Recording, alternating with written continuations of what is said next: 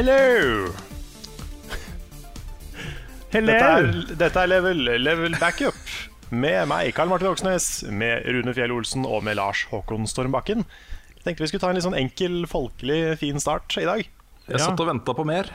Ja, nei, det er en, det er en litt, sånn, eh, litt sånn chill, trøtt podkast i dag. Eh, trøtt kanskje av dobbelt så mange grunner som, som vanlig, fordi jeg har stått opp eh, før jeg av natur står opp. Og Lars, du sov også litt i dag. Ja, jeg har um, Jeg var oppe når klokka var eh, åtte første gang. Og så um, har jeg vært ute og gått tur, og så um, Ja, så når jeg kom tilbake, så var klokka litt sånn uh, var litt før klokka var ti. Og da tenkte jeg bare åh, jeg legger meg ned og slapper av litt, og så sovna jeg. Det var ikke så bra. Og så kom det telefoner og meldinger fra oss, og så Ja, måtte du opp igjen. Ja det, det var jo i grunnen bra, for hvis ikke så hadde det gått galt, tror jeg. Mm. Det er et hardt liv. Det Det er er et altså. hardt liv, altså. Det må Men sånn, tåle. eh, hvis man ser bort ifra sånn der morgenmugg, eller morgendugg, eller hva det heter så Morgendugg, ja. Ja. Morgenmugg. Åssen ja. har vi det ellers? Nei, eh, meg er det ganske bra med. Sånn er med dere? Ja, ganske bra her også. Jeg skal uh, ut på biltur med familien uh, i morgen. Vi kjører til Kristiansand. Uh, skal bo der en natt og dra på Dyreparken. Og så drar vi til- Stavanger en tur, og så kjører vi hjem igjen. Åh, Så, så koselig. det er ja, kanskje. også- Det er mange timer i bil med gærne unger, så vi får se. Ja. ja, det er for så vidt et poeng. Ja, jeg, Jeg skal også, jeg skal også se på dyr i dag. Eller Kristine og jeg skal på sånn der eh, Sånn barnebondegård Å, i Oslo. barnebondegård. Ja, Det er et paradis fordi det er så koselig med å se på dyr og sånn. Det er så lite dyr i Oslo. Ja. Så av og til så er det koselig å liksom, gå på en sånn bondegård og se på, se på hester og se på geiter og sauer og Ja, ja. griser. Og, det er koselig. Det blir dere og kidsa, liksom? Ja, altså jeg, jeg håper jo det ikke blir så mange andre enn oss. Nei, okay. Fordi det, jeg, jeg tror ikke det er så mange som går og besøker bondegårder sånn klokka fem på en eh, torsdag. Nei, det jeg veit ikke. Ja, Det skal du ikke se bort ifra. Nei, det kan hende det er fullt. Og så er det bare oss og masse barn. Men forrige gang, da, vi har vært, vi har vært på en sånn bondegård en gang før. Og, og, da, oi, Prosit. og da, da var det faktisk liksom Da var det litt rolig, og det var ikke så mye folk. Og det var litt sånn, kunne gå og klappe dyra, og det var veldig koselig. Mm. Men det er, det er koselig eh, på gård. Jeg har vært, uh, Sist gang jeg var på sånn, uh, sånn åpen gård-ting, så um, var vi med og samla, um, samla sauene. Det var, uh, det var litt av en opplevelse. for å si sånn. Da måtte vi stå på sånne spesielle steder, så vi skulle sørge for at sauene gikk på en spesiell måte og sånn. Det var ganske interessant. Det var noen som prøvde seg, men vi fikk det til. Skal vi snakke Ja. litt om spill, eller? Ja. Level backup, spill og dyrepodkast. Hvem vil begynne? Hva vi har spilt i det siste? Nei, kan ikke du begynne? For en gang til? Skal jeg begynne? Ja. Ja, det var et veldig uortodokst forslag, men jeg kan godt eh, ta på meg den, altså. Jeg har, uh, har vel hovedsakelig spilt to ting. Vi kan jo begynne med det vi spilte i går. Mm. Monopol. Eller Ja. Monop Monopoly Pluss, Mm. som ble gitt ut det samme året, tror jeg, som Ubisoft klarte å gi ut en ikke-fungerende Tetris. Og Ja. vi spilte jo da to eh, Eller prøvde å spille to hele games eh, av Monopol online mot hverandre. Mm. Mm. Og begge, begge gamesa bugga seg ut når det var din Mm. tur, Lars. det var Ja. faktisk Altså, den første gangen så hang det seg opp sånn at du fortsatte å gi meg masse penger. Mm. Det var veldig morsomt å se på. Ja, det var gøy. Ja, det, var, altså, det, var en, det var gøy en stund, og så fikk jeg litt panikk. Og så var det bare sånn jeg innså at uh, dette her kom til å gå rett vest, så var det ikke så gøy lenger. Nei, så, Så- ble du bankrupt og alt mulig, så da Mm. Ja, det er ganske morsomt å se på, faktisk. Så Det var veldig gøy å spille det. Det var utrolig trist at, uh, at det bugga ut sånn. Ja. Ja, det var det. For det, det er jo utrolig kos. Ja. Mm. Den andre gangen det bugga deg ut, så fant vi jo egentlig ut at det bugga deg ut mye, mye tidligere. Husker du når det var et punkt hvor du sa, Rune, at du fikk 600 for at noen kom på gata di? Um, jeg husker ikke hvem det var som kom på gata di, om det var Carl eller eh, Nick. Mm. Men i hvert fall når du sa det at du fikk 600, så fikk for meg og For meg og Frida så fikk du bare 200. Eh, ja. Men det var ingen av oss som reagerte på det, for vi, vi, vi tenkte liksom Å ja, kanskje Rune bare sa feil. Um, men det var jo sånn en time før det faktisk skjedde noe gærent. Det var såpass, ja. Mm. Ja, for det som, det som skjedde, var at spillet, altså halvparten av spillerne hadde færre hus på brettet enn den andre halvparten. Ja. Så eh, spillet trodde vi hadde to forskjellige sett med hus. Så det var en ganske merkelig bug. Som hang seg opp da idet du landa på min. Og for deg hadde du nok penger til å betale, men for meg hadde du ikke det. Nei. Så da, da fucka jo hele spillet seg. Det var rart, det, var, eh, det var veldig rart. Men det, um, jeg vet ikke hvorfor det blir sånn, eh, rett og slett. Men hvor vanskelig kan det være å lage et monopolspill? Nei, si det. Uh, Si det. Jeg ble i hvert fall veldig sulten på den type multiplayer-spill. Satte meg ned etterpå Ja. og tenkte hva slags andre spill, og begynte å tenke på minigolf og Mm. Texas er Hold'em og litt sånne ting som ikke er eh, Og som er litt turbasert og kos, da. mm. Mm. Jeg er veldig med på minigolf, kjenner jeg. Jeg så Det har ikke kommet noe minigolfspill til PS4, så da må vi være kreative. Kanskje Det Det fins et minigolfspill i VR Mm, som du kan spille online med andre som har VR-headset. Ok, Ja. Så det vi kunne gjort da, var at jeg spilte hjemmefra med, med Viven, så spilte du med den som er på kontoret. Og så er det en som filmer. Mens liksom du står med liksom. Dette Ja. høres komplisert ut. Vel, Ja, det er veldig komplisert. Så det, er, eh, det blir med drømmen, kanskje. Men uh, konseptuelt så kanskje. Mm. Nei, vi kunne ha trukket fram en gammel, eh, gammel PS3 eller et eller annet. Og, Ja, eller finne et eller annet eh, litt sånn uh, skranglete minigolfspill på Steam. mm, det går også an. Gjør det. Ja, det eneste jeg har spilt av minigolf, er jo sånn IRL-ting. Når du er eh, på ferie og sånn, så pleier det å være sånn på campingplasser og sånn i gamle dager. I hvert fall så var det sånn minigolf. Mm. Så var det sånn x antall eh, hull og sånne baner du skulle gjennom. Det var liksom det mest interessante jeg har vært med på av golf. Det ligger jo minigolfbane i hjertet av Oslo, rett ved Akerselva på Grünerløkka. Ja, OK. Stemmer det. Hmm. Der bodde, jeg bodde rett ved siden av det, men jeg har aldri vært der. Nei. Det så litt sånn grått og stusslig ut, men det kan hende det er bra. Altså. Mm. Kanskje vi skulle gjort det en gang? Streama at vi spiller, faktisk spiller minigolf? Ja, At vi faktisk spiller ekte minigolf. Ja. Det hadde jo vært litt morsomt. Det hadde vært gøy. Jeg, jeg, jeg er med, ja, altså. Vi må bare ha på oss noen sånne Mario-hatter, sånn at det kan kvalifiseres som spillstoff. Så ikke vi blir fjerna. Yep. Ja. Men, eh, men ja, ellers så har jeg spilt Recore. Mm. er vel hovedsakelig det jeg har spilt i det siste, egentlig. Og um, anmeldelsen er mest sannsynlig ute når dere hører denne podkasten her. Mm. Og um, jeg kan jo ta det litt sånn kjapt. Jeg, eh, etter at jeg ble ferdig med min egen anmeldelse, så har jeg jo gått og sett uh, litt på hva andre mener. Ja. Og uh, har jo funnet ut at jeg uh, Det virker da som om jeg liker det bedre enn de fleste. OK.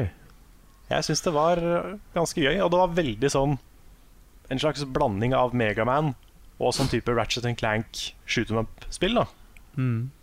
Og jeg syns det funka ganske bra. Litt sånn Metroidvania inni der og mye forskjellig. For dette er jo en sånn collaboration mellom han KG Nafune, som har lagd Eller som på, har vært med på å lage Megaman, og Ja. eh, han som er lead designer, har vel jobba på hele Metroid Prime-serien. Stemmer det? Så eh, du merker på en måte at det er en sånn slags fusion av ting de to kan. Mm. Okay. Og det, jeg syns det er bra. Det er jo litt sånn rustent og litt uh, Litt lite polished til tider, kanskje. Litt sånn, Det er noen bugs der som ikke er helt, helt fiksa, og det er en balanse og sånn vanskelighetskurve som er litt drøy. Mm. Så det er ting der. Det er, det er mange ting som er mindre enn bra. Det var en fin setning. Men det er også liksom hovedgameplay, da. Altså den kjerne, kjernegameplay i det spillet er ganske gøy, syns jeg. Og det minner meg litt om en del andre bra spill jeg har spilt før. Så Hmm. det, er, eh, det føles som en litt sånn moderne versjon av noe som funka veldig bra for noen år siden. Så et eh, nytt ti av ti-spill fra Level Up-redaksjonen. Eh, Det der, altså. 10 av altså. ti. Ja, nei, det var, det var ikke fullt så bra. Det ble, det ble en sjuer. Ja. Så det, Ja, det jeg, er jeg, syns det, jeg syns det fortjente såpass. Mm. Det er litt interessant det der også. Jeg har opplevd flere ganger selv også at jeg sitter og spiller et spill. For jeg prøver så godt jeg kan å ikke få med meg hva andre gir spill når jeg skal anmelde selv. Mm. Så jeg holder meg liksom helt unna alle sånne det, det hender jo selvfølgelig av og til at, øh, at det drypper noen øh, greier på Twitter eller noe sånt, men så sant det er mulig, så prøver jeg å unngå det. Og da er det alltid øh, Det har liksom hendt noen ganger at, at jeg sitter igjen med et inntrykk, og så er det et annet inntrykk som råder på, på nettet.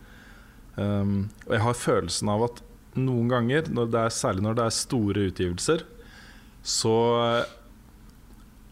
hvis det kommer en liten sånn eh, minibølge av eh, negative anmeldelser i starten, så påvirker det ganske mange til å trekke seg. Altså Hvis man er på vippen, så tenker man ja, kanskje jeg skal trekke ned, liksom. eh, Fordi det er så mange andre som er negative til det. Så jeg har følelsen av at dårlige karakterer ofte forplanter seg og kanskje blir litt sånn urettferdig mot noen spill. Da. Ja, det er nok sant. Jeg vet ikke om det er sånn også, men det er bare en følelse jeg har, for jeg har sett det flere ganger. At eh, spill som egentlig er ganske bra, har fått litt ufortjent eh, mye pepper. Og nå snakker jeg ikke om No Man's Sky, bare så det er klart. Nei. Ja. Ja, der var alle veldig enige, så Ja, Ja, det eller i er ikke så mye mer å si, egentlig. Det er jo Nei. Ja, nei, men det er definitivt et poeng, det. Altså. Jeg også prøver å holde meg unna andres meninger før jeg liksom er blitt ferdig med å i hvert fall skrive min egen. da Mm. Så er det sånn litt sånn av nysgjerrighet, så kan jeg gå og se hvor, eh, hvor andre står etterpå. Mm. Ja, det er jo alltid, alltid interessant. Ja. Mm. Så nei, Recore er nok litt sånn uh, Litt sånn uh, splittende, det òg. Det er mye, mye forskjellig. Mm. Ja. Vi får se hva det uh, hvordan det er når, det når jeg får mulighet til å spille det også. Jeg ble i hvert fall sånn øhm, Jeg ble mer interessert i det etter at vi prøvde det den onsdagen for et par uker siden. Så mm. Ja, Det kommer jo Ja. ut den dagen den podcasten her kommer ut. Så yes. hvis du er nysgjerrig på Recore, så er det bare å teste det på hvert fall på Xbox One. Det kommer vel også på Windows 10, er det ikke sånn der? Jo. Jo.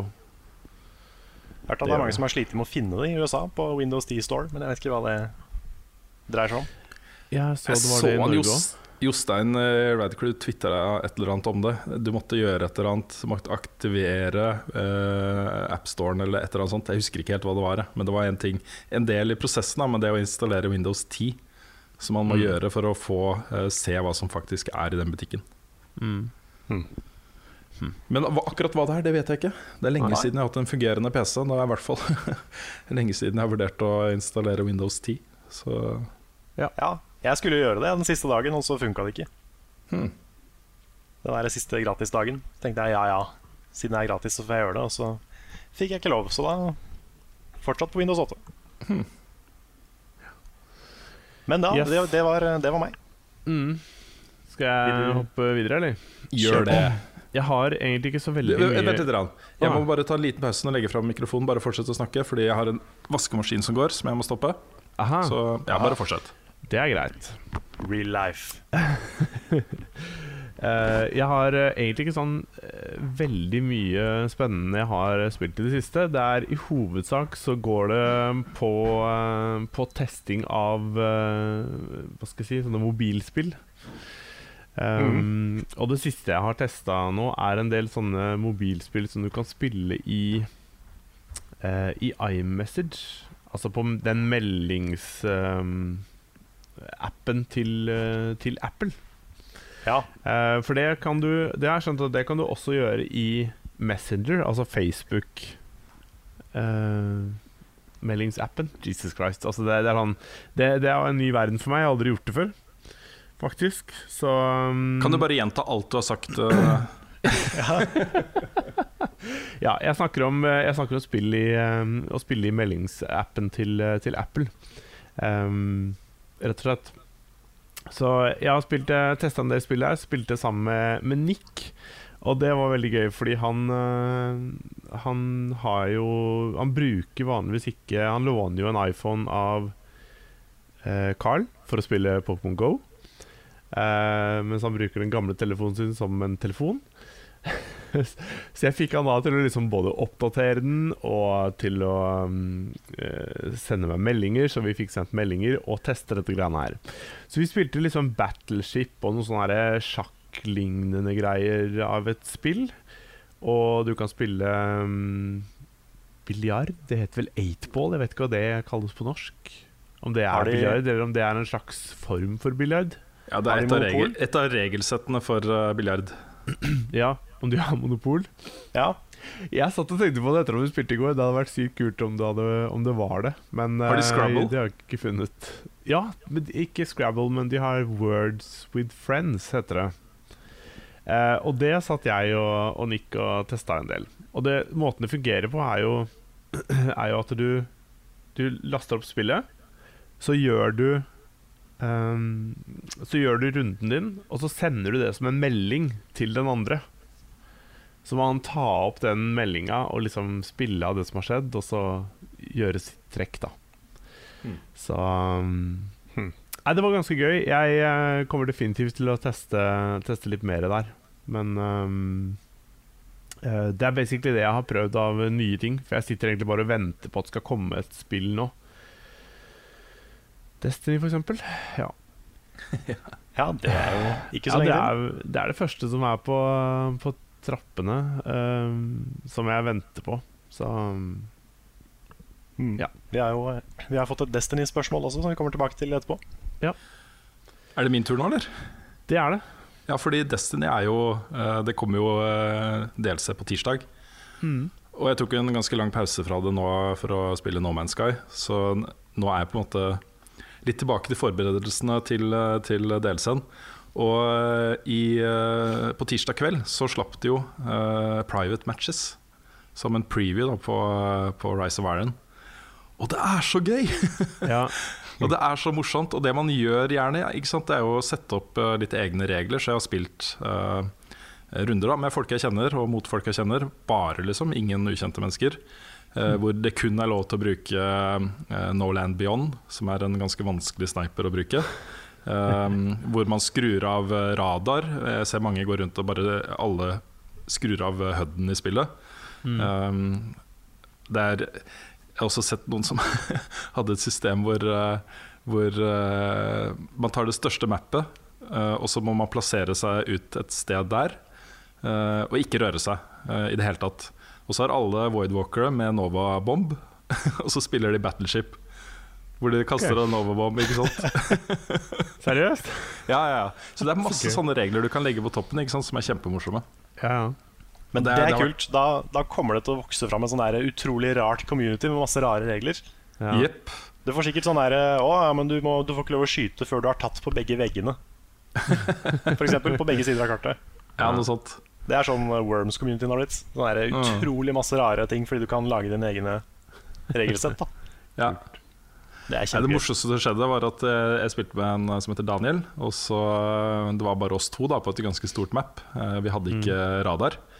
Um, og så, så så jeg han, da. Jeg så ryggen. Han hadde liksom hukt seg ned for å vente på meg. Han trodde jeg kom fra et annet sted. Så jeg snek meg bare opp rett bak han, og så poppa jeg gun, også Golden Gun Super rett bak han. Å, herregud, han skvatt! du hører den lyden, ikke sant? Bang! Rett i øret ditt. Og jeg står rett bak han. Det var eh, kjempemorsomt, altså. Så det har jeg kost meg veldig med. Det har vært eh, ordentlig morsomt å, å spille det. Ja. Så neste Så det uke blir nok eh, ganske insane for meg. Det blir Mm. kjempegøy. Jeg gleder meg. Mm. Ja. Da blir det Destiny fram til Star Citizen. Ja. Ja. ja. Det gjør ikke det, da. Men, Men jeg har også faktisk spilt et annet spill også, for det har kommet et, eh, et nytt norsk spill i dag. Det ble lansert ca. en time før vi satte oss ned med podkasten. Okay. Det vil si en time og 20 minutter. Ja. For vi begynte jo ikke akkurat klokken 11. Ok. Eh, det er fra et eh, selskap som heter Hyper Games, og de har lagd et spill eh, som er en slags sånn marketing-ting for en ny norsk film som heter 'Gilberts grusomme hevn'. eh, som ser ganske, ganske morsomt ut. Det handler om en gutt som er forferdelig allergisk for egg. Så når han spiser egg, så spyr han sånn prosjektilspy. Oi. Eh, og det handler også spill om. Det er et, eh, et sånn løpespill um, hvor du liksom løper i en, av to retninger og hopper opp på vegger og fram og tilbake for å hente gylne egg og sånne ting. Men måten du hopper på, da, det er å spy. Så du løper bortover, og så spyr du i bakken, og så hopper du oppover. Og det litt sånn eh, slags blanding av litt den ekle følelsen fra Super Meatboy og, og litt mer sånn bare vanlige plattform-hoppespill til mobil. Sånn eh, one touch, eller det blir jo to touch-system, da. Det var bra, altså. Det heter eh, Gilberts egg-egg-egg-egg. Det er eh, egg med fem, fem g-er. Og nettadressen er også eggg.gg. Ja. Det er litt sånn overskuddsprosjekt. Det er gøy, liksom. Det er masse eh, artige sånne animasjoner og figurer og Mm. eh, Godt tenkt. da Det sprudler litt av det spillet her. Veldig tight gameplay. Så jeg likte det veldig godt. Kult. Ja, kult. Spennende. Mm. ja, det er morsomt å se et sånn tie-in-prosjekt uh, få litt kjærlighet. At uh, det, det, det er ganske tydelig at de har kost seg med å lage det spillet her. Og det gjør så stor forskjell. Så eh, ikke sånn påtrengende markedsføringsspill heller. Det er bare en Nei. liten link til filmen, en trailer til filmen når du starter spillet. Hmm. Så det Er var morsomt. for, eh, er det noe for Level App, kanskje? Kanskje. Kanskje. Mm. Det er Ja. ikke noen mikrotransaksjoner. Kosta 22 kroner. Så har man uh... Ja. Jeg skal ta og eh, sjekke det ut, så får vi se. Det var veldig gøy, i hvert fall. Mm. Kult. Ellers så er det ikke så mye. Eh, Jeg bare har fått en litt sånn derre Også vi snakka om at man ikke følger med på eh, karakterer på spill eh, før man skal anmelde det selv osv. Mm. Men at man noen ganger ikke kan unngå det. Og jeg får sånne push-varsler om fra Edge, magasinet Edge, som jeg abonnerer på på mobilen. Og de har da anmeldt Dishonored 2 og kaller det Game of the Year på coveret. Oi. Og det var litt vanskelig å unngå akkurat den. Men da ble jeg sånn supergira. Det er bare sånn OK, det her må, må jeg bare spille. Jeg gleder meg sånn. Ja. Men eh, når er det det kommer? Eh, november, tror jeg. Tidlig november. Jeg husker ikke helt. Det er slutten av oktober eller tidlig november. Ok, Og de anmeldte. Ja, det er, det er jo et magasin. Vet du. De får eh, veldig tidlig tilgang til ting. Så, um, så uh, poenget er at hvis de ikke hadde fått det med i dette nummeret her, så hadde jeg ikke rukket å få det med før etter lansering. Så det, ofte så ser du store spill bli anmeldt i Edge uh, en god tid før det er ute. da Mm. Hmm. 11. november. 11. november, ja. I see. Ja. Tenk om, eh, tenk om vi hadde fått sånne tidligkoder. Ja, tenk Ja, men- god tid. Jon Cato snakka litt om det, fordi han skrev jo for magasiner, FHM og litt sånne ting. Eh, og det han sa, eh, var at det var ganske problematisk, fordi eh, den koden du fikk tilgang til, var jo ofte før de hadde retta alle feilene og glitchene og buggen og sånne ting.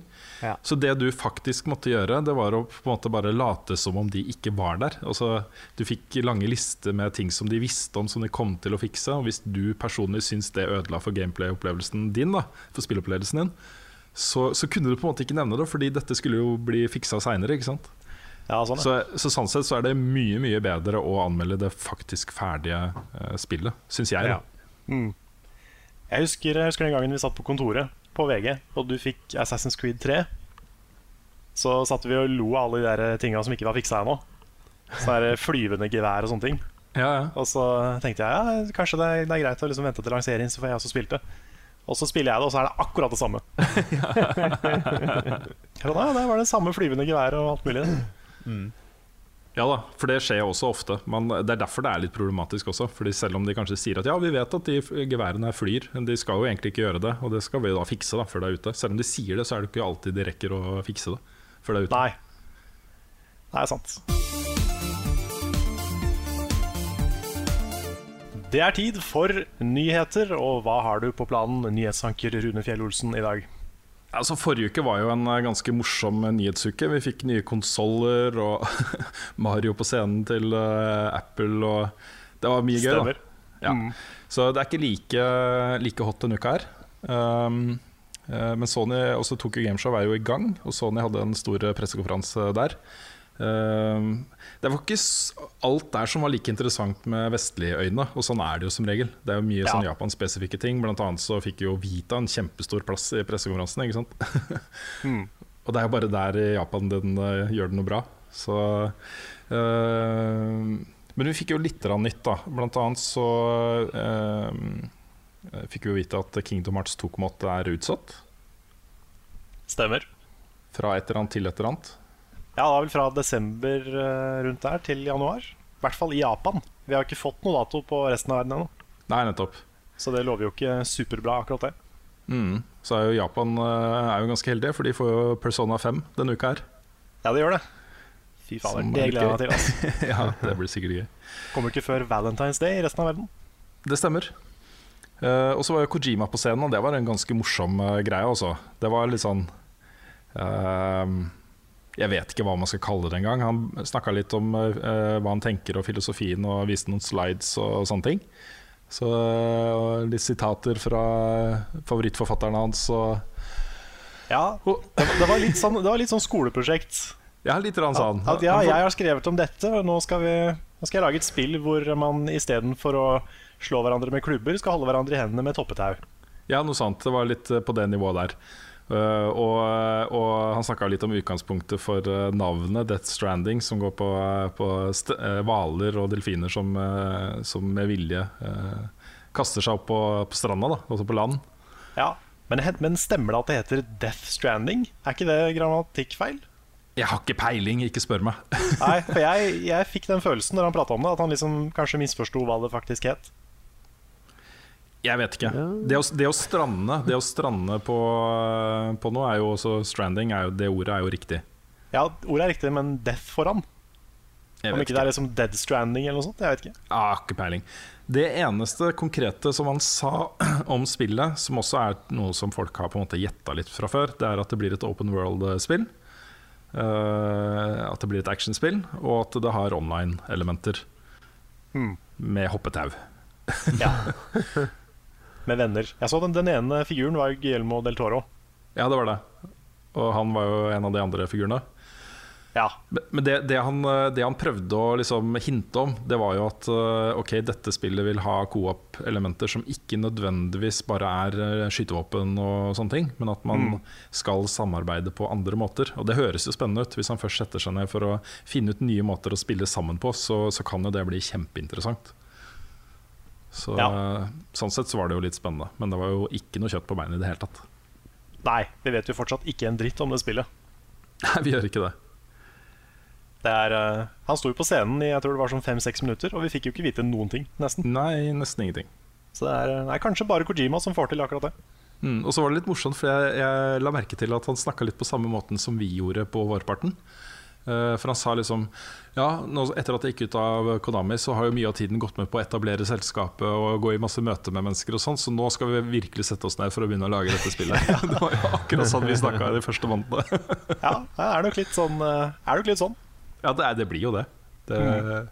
det, er ikke bare bare å eh, starte for seg selv. Mm. Nei. Alt dette byråkratiet og greiene. Mm. Og så snakka han jo som en indie-utvikler. Det også var litt morsomt. Han uh, sa jo at uh, han, ville, han, og teamet hans ville gjerne bevise at et lite indie-team kan lage et uh, spill som er vel så bra som et kjempesvært Triple A blockbuster-spill. Mm. Det er jo litt den tone, gjennomgangstonen nå. Ja, for det, det kan ikke være lett det heller, å liksom gå fra tidenes budsjett og sånn trippel A-storspill, de største av de største spillene, til å liksom bli en liten indie-fyr. da Nei, men samtidig så er det litt ja, altså det, Samtidig tror jeg det er litt befriende, fordi, eh, fordi, en av de tingene som har vært viktig for Kojima i Konami, har jo vært å lage en egen engine, ikke sant? Som mm. gjør de tingene som man har lyst til at uh, det, den skal gjøre. Uh, nå kan han jo bare hekte seg på andre plattformer, altså uh, Unreal eller Frostbite eller hva som helst, og bruke de. Og det er jo, den utviklingen er jo kjempekostbar. Altså det koster masse penger å lage en egen engine. Mm. Så kanskje, kanskje, det er litt befriende også. Ja, kanskje. I don't know. Um, og så er jo The Last Guardian uh, utsatt. Ja. Det var litt morsomt, det, fordi jeg oppdaga det ved at det begynte å komme inn masse sånne støtteerklæringer fra folk. Folk som lurte på om det gikk bra med meg. Og om jeg var veldig lei meg og, ja. og sånt. Det var, det var, sånn jeg oppdaga den, eh, den, nyheten. Mm. Og svaret på det er jo at nei, jeg er ikke lei meg for det i det hele tatt.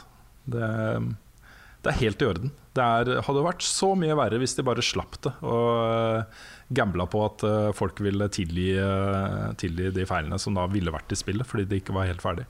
Mm. Mm. Så jeg er mer beroliga av at de utsetter det, enn en lei meg. Selvfølgelig, Jeg skulle jo Jeg har gleda meg til å sette meg ned den 22. oktober og spille det, selvfølgelig. og det å vente halvannen måned til blir jo Ja. Jeg skulle jo gjerne vært den foruten. Men, ja. uh, men uh, det var venta så lenge. Det går, det går helt fint. mm. ja. Jeg merker at i år så har folk blitt så utrolig sure på utsettelser. Mm. Sånn Først så var det No Man's Sky, som liksom førte til drapstrusler og alt mulig greier. Og så skjedde akkurat det samme med Final Fantasy 15. Mm.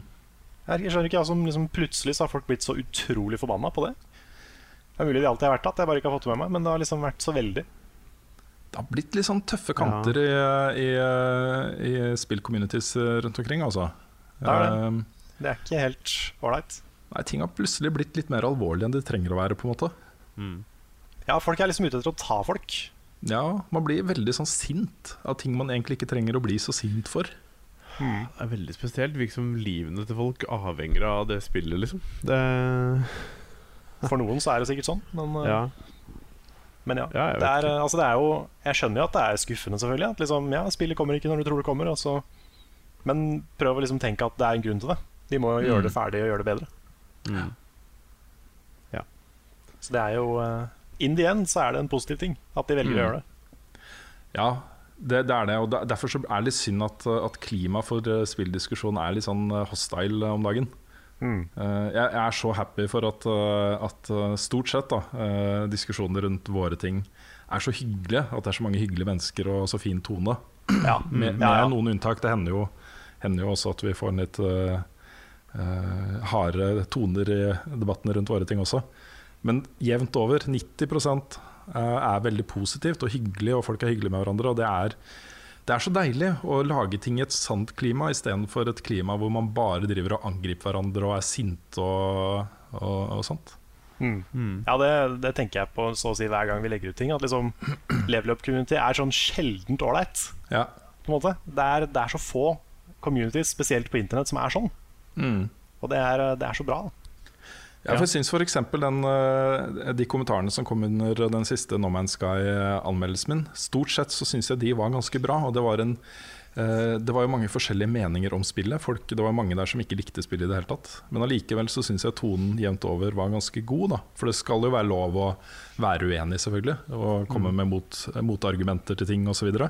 Mm. Um, og når man klarer å gjøre det uten at det blir sånn masse personangrep og sånn meningstyranni, så, så, blir det så mye mer interessant. Mm. Ja, og det pleier å være gode meningsutvekslinger også. Så mm. mm. Det gjør det. Når man først mm. begynner å Når man diskuterer med noen fordi uh, Ja, jeg liker ja, det, godt å svare, og da det handler, det handler, vel så mye om det at ikke de bare er, det er ikke bare hyggelig mot oss, men de er også hyggelige med hverandre. Mm. Og det, det, oppfordrer liksom veldig til at det går an å diskutere ting. Ja. Yep. Så det er, det er kjempebra. Mm. Eh, ta bare litt rann, uh, kjappe nyheter til slutt her. Um, det er jo ingen stor bombe, for det ble jo lekka for en stund siden. Men Ubisoft har nå bekrefta at uh, det kommer en Assassin's Creed 2-samlepakke, som da inneholder Assassin's Creed 2, uh, Brotherhood og Revelations. Det er da Etzio-trilogien det er snakk om. Mm. Som kommer til PS4 og Xbox One den 15. november. Ja. Da kom det et Assassin's Creed i år òg, på en måte. De gjorde jo på en måte det. Uh, ja, det står også at uh, The Etzio Collection inneholder alt singleplayer DLC-innhold, uh, men multiplayer modes er ikke inkludert. Nei. ja, men kortfilmene, Lineage og Embers, er også inkludert. Så det blir en sånn hele pakka rundt det som mange mener er det beste Assassin's Creed-innholdet som er lagd, kanskje. Mm. Ja, helt klart for min del. Mm, ja, det er kjempebra. Eh, hele story-arken og alt rundt det der syns jeg er helt fantastisk. Mm. Ja, For meg så er fortsatt Assassin's Creed 2 det beste. Ja, jeg er nok enig i det også. Jeg er nok enig i det Selv om uh, minnene mine fra Assassin's Creed 1 nok er litt sterkere. I og med at det var den første gangen de gjorde det på den måten og hadde det universet og sånne ting. Jeg syns det var uh, en stor opplevelse. Men uh, hmm. AC2 er nok best, sånn sett. Ja. Ja.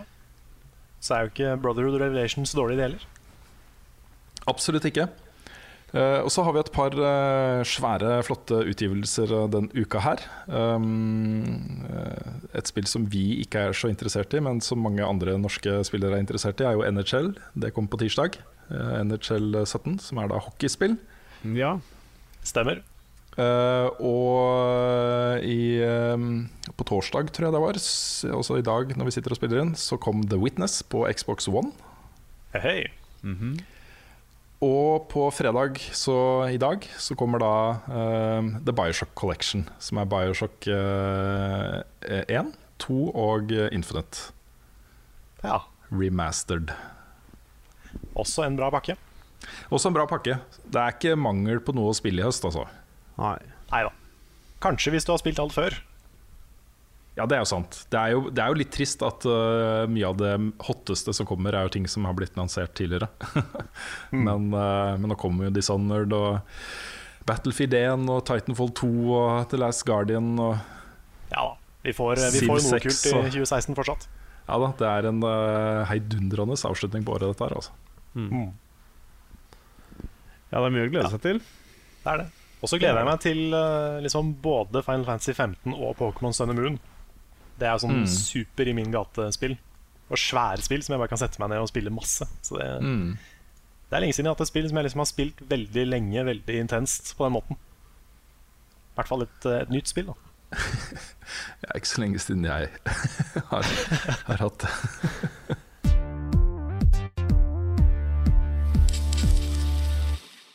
Det er tid for siste post på programmet, nemlig spørsmål og svar.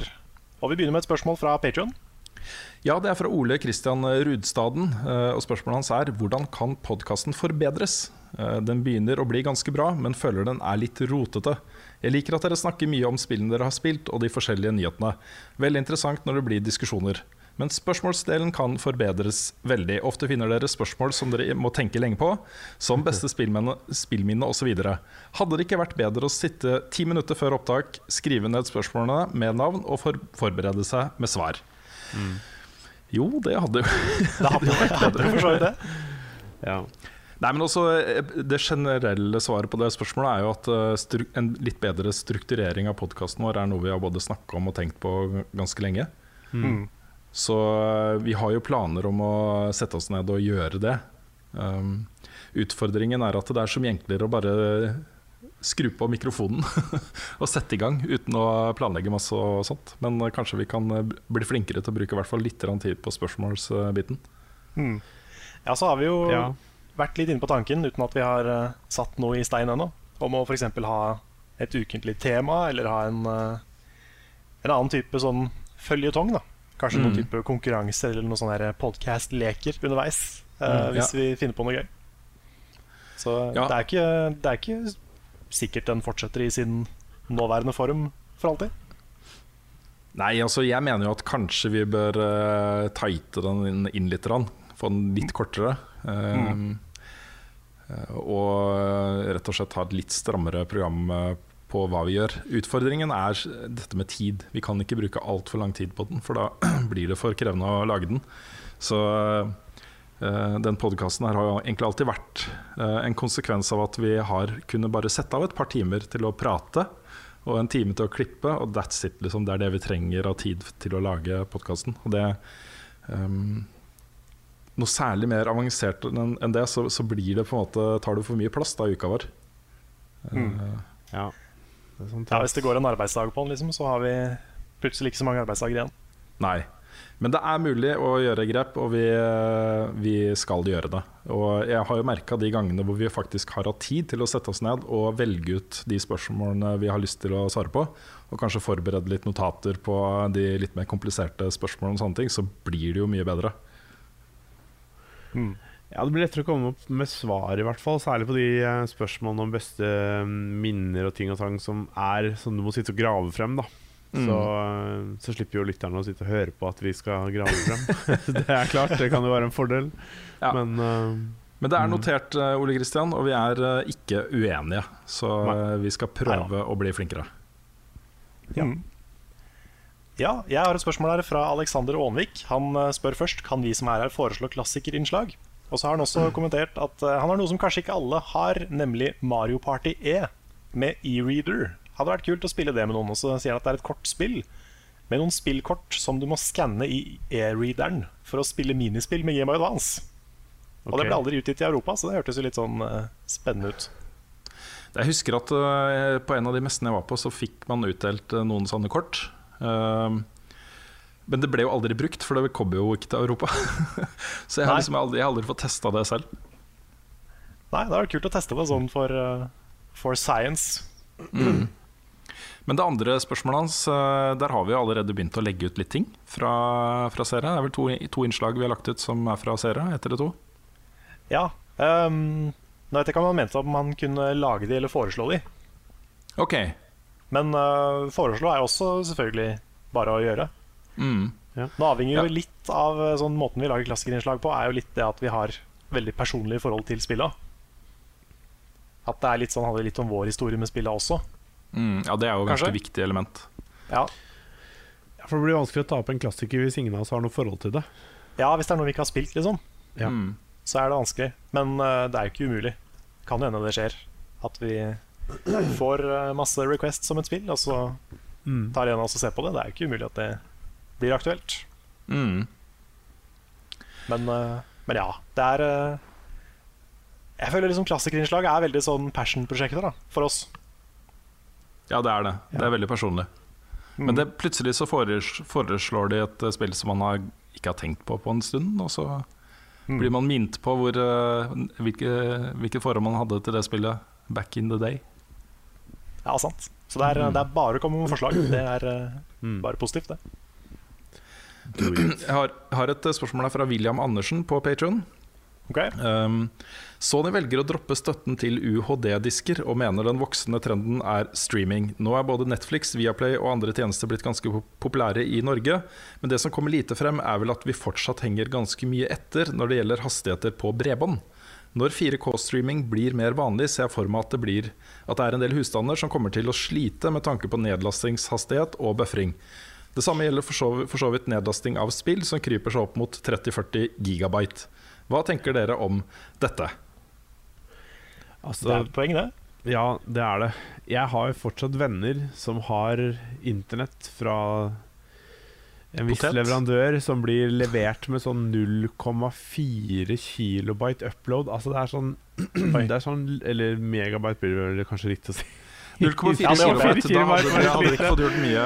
Uansett, 0,4 megabyte er også latterlig lavt. Det Ja, det er er, og med sånn 2-3 i nedlasting Det er Det det Ja, skal da, ikke mye da kan du ikke bli streamer.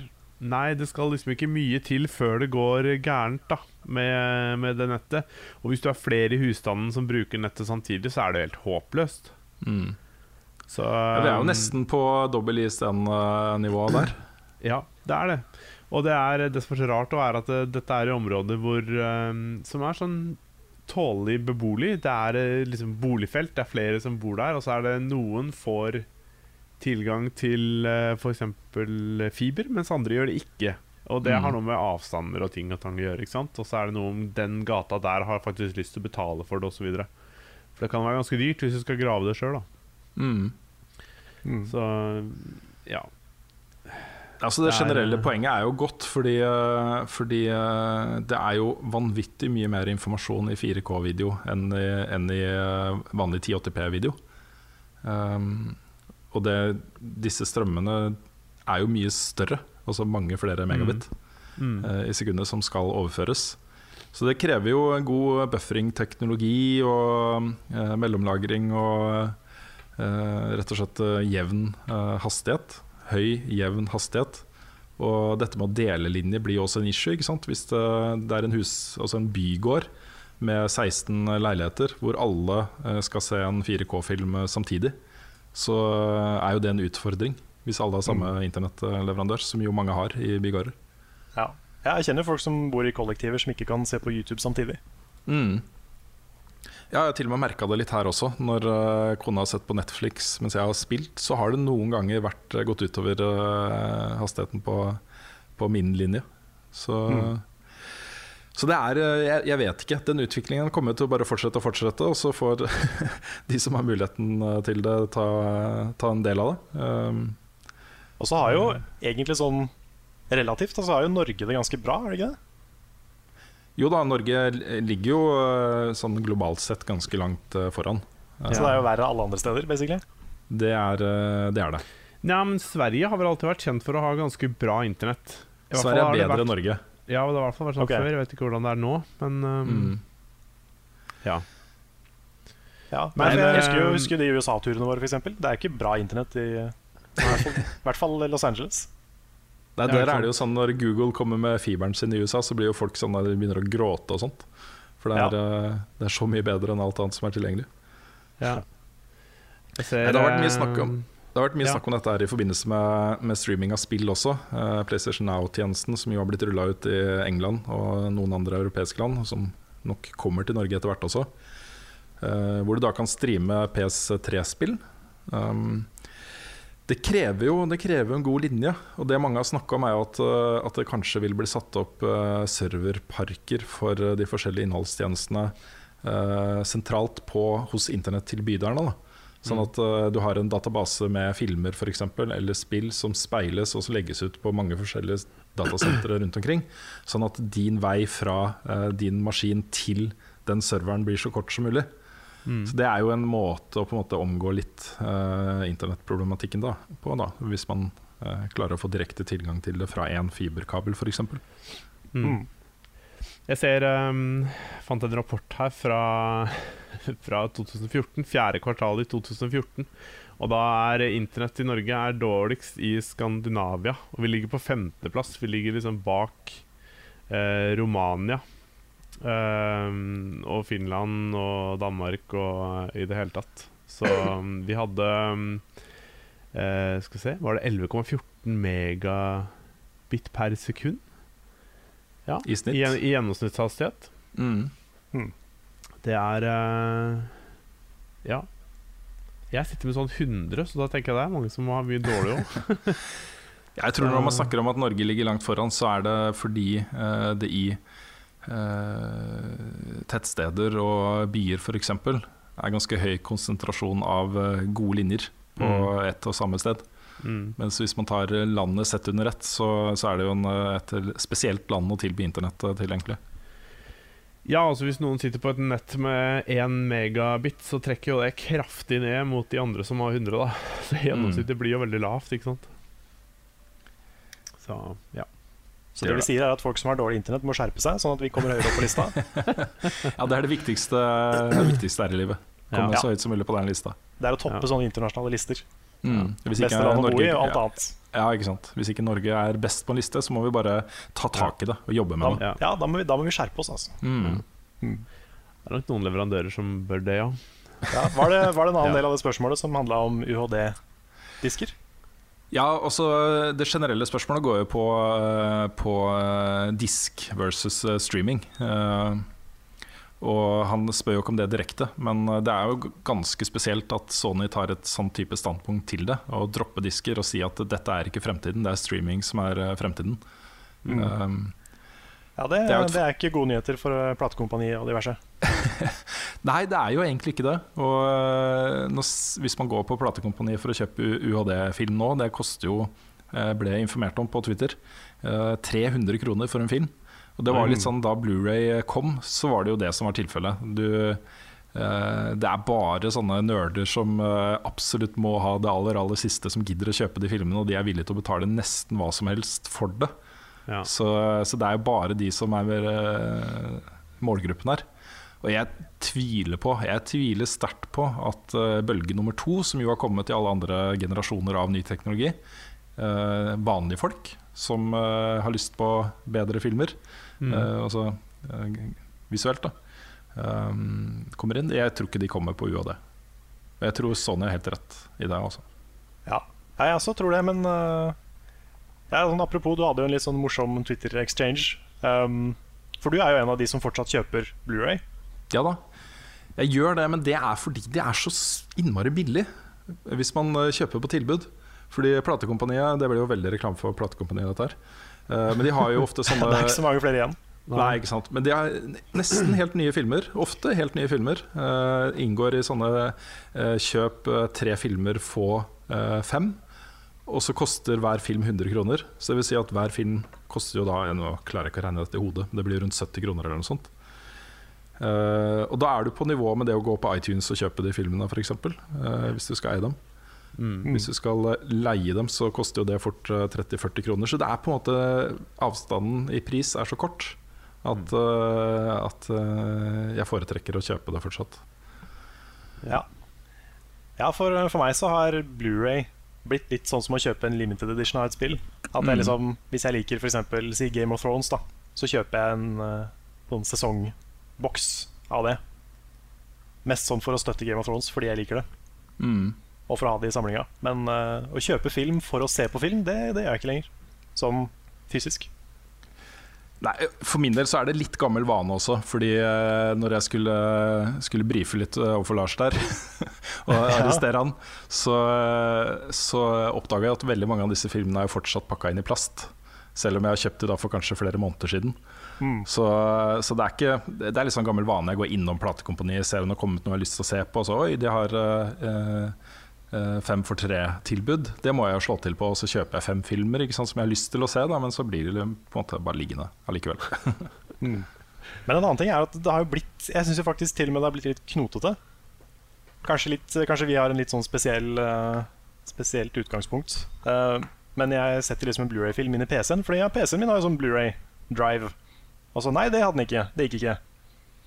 Og så ok, da prøver vi PlayStation. Å ja, der er det sånn HDCP-blokkering, så da får jeg ikke lov å se på. Og så har jeg liksom prøvd alle tingene mine som skal kunne spille Blu-ray, og så er det ingen som får det til.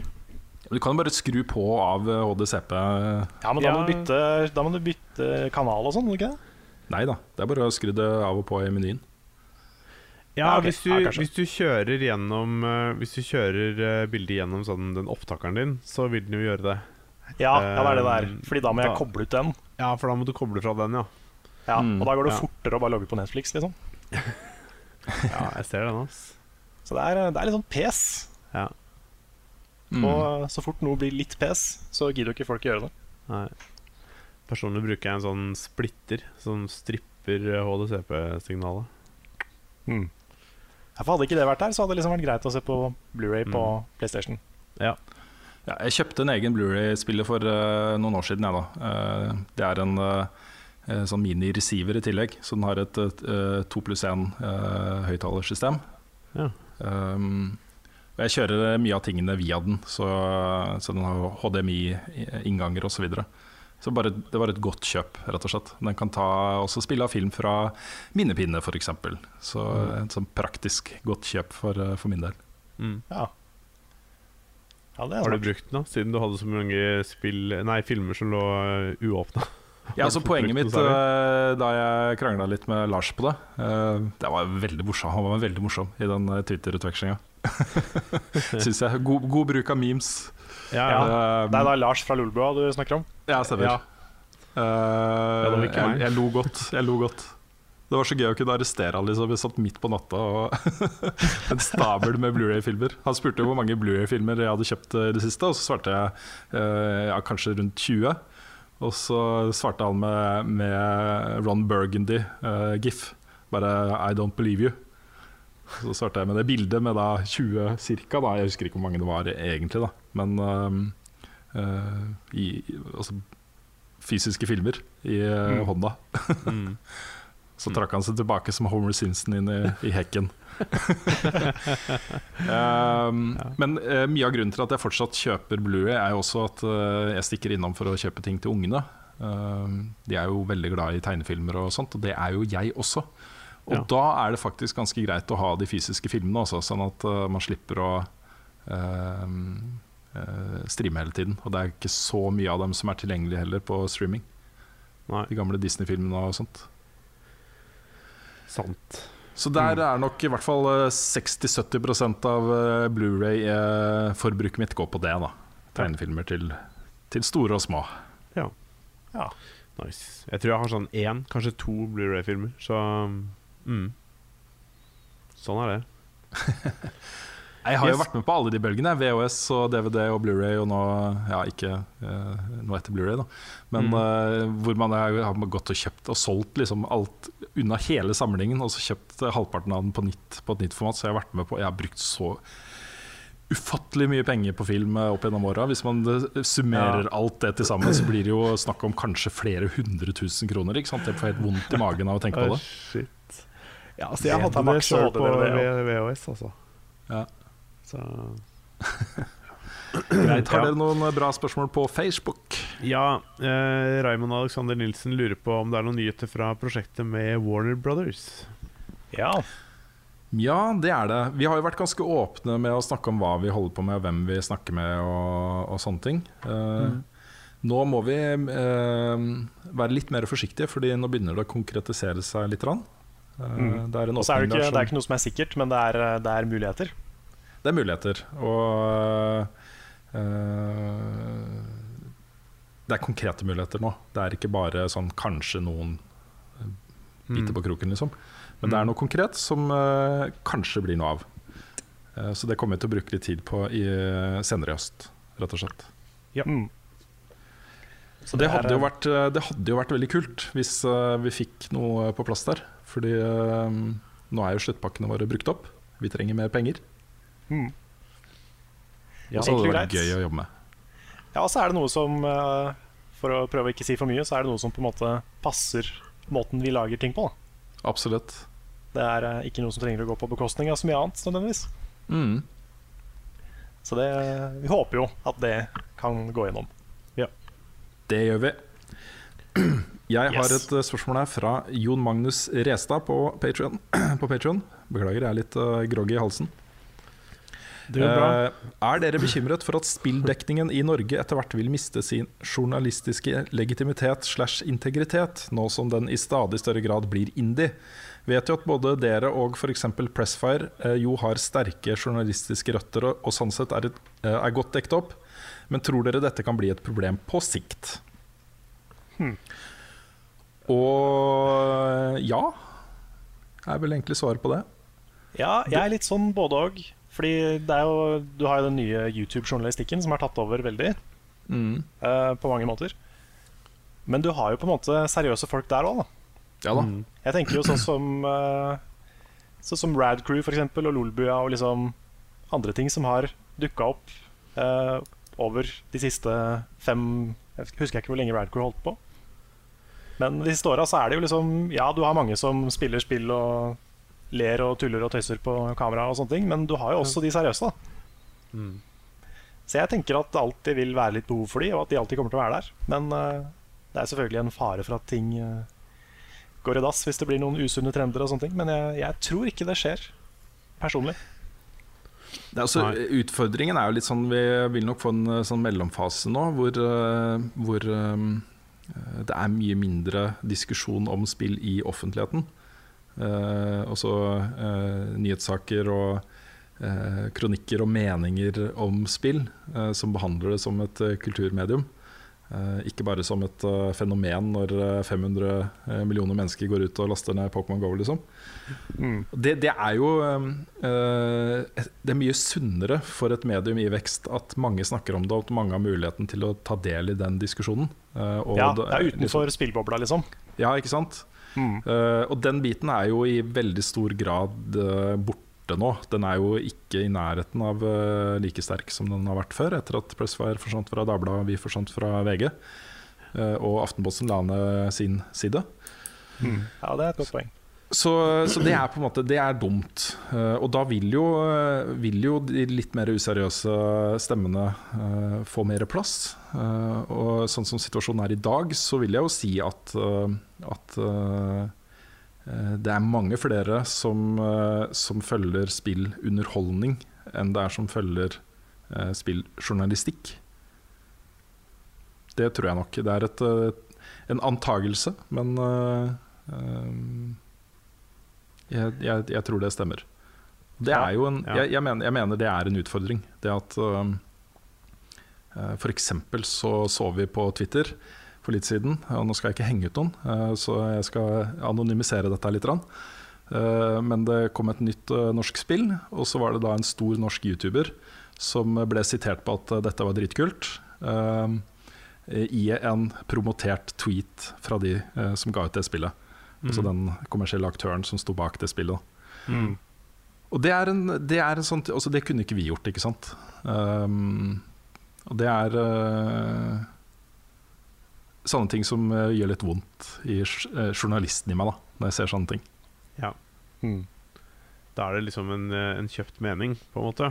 Ja, det er en kjøpt mening. Ja. Meningen til, uh, til den youtuberen er da til salgs, ikke sant? Mm. Mm. Ja. Ja, og det, det er jo selvfølgelig det er, det er sant. Det er skummelt. At altså når spilljournalistikk og underholdning eh, Og hva som er og hva som ikke er en ærlig anmeldelse, når det liksom blir mer diffust, da, det er jo en kjempeuting. Mm. Uh, det, er, det er sant, det. Mm. Men uh, det påvirker oss, ikke oss så veldig, da, foreløpig i hvert fall. Vi håper jo at det vil være nok mennesker i Norge som er interessert i uh, eh, jeg liker ikke å kalle oss seriøse. Vi er jo for så vidt det. Vi tar spillmediet alvorlig, men vi tuller og tøyser, vi også. Ja, jeg, jeg tenker litt sånn at vi, vi prøver å være seriøse, men ikke så høytidelige, kanskje. Ja, kanskje noe sånt. Ja. Men det er hvert fall eh, de journalistiske prinsippene er viktige for oss. Det å ha integritet og det å følge Vær varsom-plakaten og alle de tingene er eh, viktig for oss. Da. Um, Og vi håper at det er nok mennesker som er interessert i eh, å følge eh, medier med det utgangspunktet også i framtiden. At det er eh, eh, Mm. Ja, jeg tenker jo det er litt to forskjellige ting. da At eh, det også er litt to forskjellige publikum, kanskje. Da er det, Mhm. liten, det er jo en overlapp mellom folk som ser på um, litt sånn YouTube-underholdere og YouTube-journalister. Men det er jo også liksom Du kan jo også dele det opp i to veldig forskjellige ting, mm, tenker jeg. da At det, er, ja. det behøver ikke nødvendigvis å være en mørje av det samme. Nei. Det som er skummelt, er jo når det er uklart hva som er hva. Ja, det er, det er kjempeskummelt. Altså, kjempeskummelt også. Jeg, jeg vet ikke, det, det blir på en måte Jeg vet ikke hvor mye man skal overdramatisere problemstillinga heller, men uh, Men jeg er jo veldig tilhenger av at de kommersielle kreftene og de journalistiske kreftene skal øh, være to forskjellige ting. Mm. Ikke sant? At ikke, at ikke noen skal påvirke folk til å kjøpe kanskje dårlige produkter, um, Ja. eksempel. Mm. Mm. Ja, det, det skjer jo på YouTube. Det er mange youtubere som får litt shady avtaler. Mm. Uh, og det er da youtubere som ikke ser på seg sjøl som journalister, og derfor så sier de ja til det. Ja. Mm. ja, money talks, er ikke det man sier? Jo da. Jo, det er, uh, Ja. men det er, det, det er en skummel utvikling. Mm. Ja, det er Jeg kjenner den sitter eh, langt inne for oss også. ja. Det er spesielt det i forhold til det du sa, at eh, Altså, når eh, diverse selskaper kjøper seg plass for annonsering av et spill, og det ikke kommer fram tydelig nok, da, så vil det være Så vil man kunne stille spørsmål ved det budskapet som kommer, hvorvidt det er ekte eller ikke. Og da Mm. blir det sånn derre Ja, har du blitt betalt for å si det, eller har du liksom mm, Men jeg, jeg fant faktisk en, eh, en dritkul gambling-side som heter levelupgambling.com. Jeg, jeg Jeg dro vant, den vitsen på Jeg dro ja, den vitsen på e-sportdagen. Ja, du gjorde det? Ja. Hvor det, det, da var jo eh, Lotteri- og stiftelsestilsynet var, eh, var der for å snakke om gambling og betting og kampfiksing ja, okay. I e-sport. Ja. Så introduserte jeg det ved å si at eh, ja, det er pussig at det er tema, fordi her om dagen kom jeg over en eh, dritkul side hvor du kan liksom gamble og vinne. Og det er bare rant inn masse kule ting. Ja, Jeg sa Han- Siden het eh, 'ikke han fra levelup.com'. Og han Rune Fjell Olsen som er CEO, det er ikke meg. Ja, ikke sant Rune Kjell Hansen. Ja, Bart og ja. Ja. Bune Fjell Olsen. Har Nei, du satt bare oss for å- under lupen. Bare for å runde av eh, en, med en liten sånn viktig eh, presisering, da, eh, så mener jeg jo at det ikke er noe galt i, med youtubere som, som ser på seg selv som underholdere, mer enn journalister. Mm. Um, det skal de selvfølgelig få lov til å gjøre, og jeg, det er flere av de jeg liker godt selv også. Mm. Um, men det handler jo om hvordan man, hvordan man brander ting, og hvordan man forteller, formidler ting, og hvordan man uh, får fram eh, hva som er sponsa innhold, og hva som ikke er sponsa innhold, osv. Ja. Ja, hvis, du, hvis du er måte Hvis du insisterer på det, at du er ikke en journalist og du vil ikke bli uh, behandla som en journalist, så handler alt bare om å være ærlig på hva som er Mm. Ja. Da er det det du må passe på. Mm. Ja, det må være supertydelig, rett og slett. Og hvis det ikke er det ikke bare, ikke bare liksom i en link i videobeskrivelsen, men du må liksom si det i videoen at dette er sponsa. Ja, ikke sant? Fordi hvis man ikke gjør det, så eh, mister man det aller viktigste man har, og det er på en måte den personlige integriteten, eh, som er helt uavhengig av presseetikk og sånne ting, men som går på ehm, eh, hvordan folk oppfatter det du sier. Ja. Eh, og det, Og, og da, da, kommer også, da kommer også det inn at folk har lettere for å stole på en YouTuber ofte, fordi de har et ansikt å forholde seg til. mm, Eh, det er lett å liksom tenke at «Å, ja, men denne artikkelen er eh, uærlig fordi det er en artikkel, mens denne personen som står her og snakker til meg, han må være ærlig. Og så er det, ikke, så er det ofte det er langt fra sånn. Ja, Mm. og så må man tenke litt på publikummet sitt òg, for veldig ofte så har eh, underholdnings-youtubere eh, også et yngre publikum. Um, og de er kanskje litt mer lettere å påvirke enn det um, eldre folk er, på en måte. Så ja. Man kan fort liksom prente inn ting som, uh, som blir liggende hos de fremover, da. Så ja. Jepp, jepp. Um, har dere et spørsmål, eller skal jeg ta et? Uh, nei, jeg kan ta et uh, her. Skal vi se. Det er fra Kenneth Milo, som er litt, uh, litt også om spilljournalistikk. Blir dere tatt, han spør Blir dere tatt like seriøst av utviklere og publishers nå som dere ikke lenger er under VG-paraplyen, eller må dere jobbe hardere for å få oppmerksomhet fra omverdenen? Ehm, I de tilfellene hvor jeg, hvor jeg har tatt kontakt med uh, mine gamle kontakter hos publisherne og PR-byråene, så føler jeg at vi har fått sånn relativt samme behandling, egentlig. Ehm, det har i hvert fall ikke vært noe stort problem med å skaffe anmeldereksemplar og tidligkode i de tilfellene hvor vi har gått ut og spurt om det. Men ehm, jeg eh, tror samtidig at vi kanskje ikke er så avhengig av den type ting, kanskje. Altså, det er ikke sånn, det har, det har ikke, de siste årene har det ikke vært så viktig for oss å være det eneste mediumet i Norge som uh, får lov til å være med på Assassin's Creed pressetur, f.eks. Um, eller å få det ene eksklusive intervjuet med eh, game director for et eller annet. Um, og så har vi ikke noe reisebudsjett, og vi har jo insistert på å beholde praksisen med å ikke ta imot betalte turer. Mm. Så det er liksom ikke så veldig mange krysningspunkter, egentlig. Det er tilgang til spill, til eh, anmeldelse, som er det viktigste. Og det er relativt lett, altså, fordi det er jo mye DLC-kode nå. Ja, sant. Så jeg vet Og så er ikke. det jo, jeg syns jo det er, det er veldig greit å ikke være så avhengig av det også. Mm. For da, det, gir oss, det gir oss så mye mer frihet til å liksom bare kjøre vårt løp. Mm.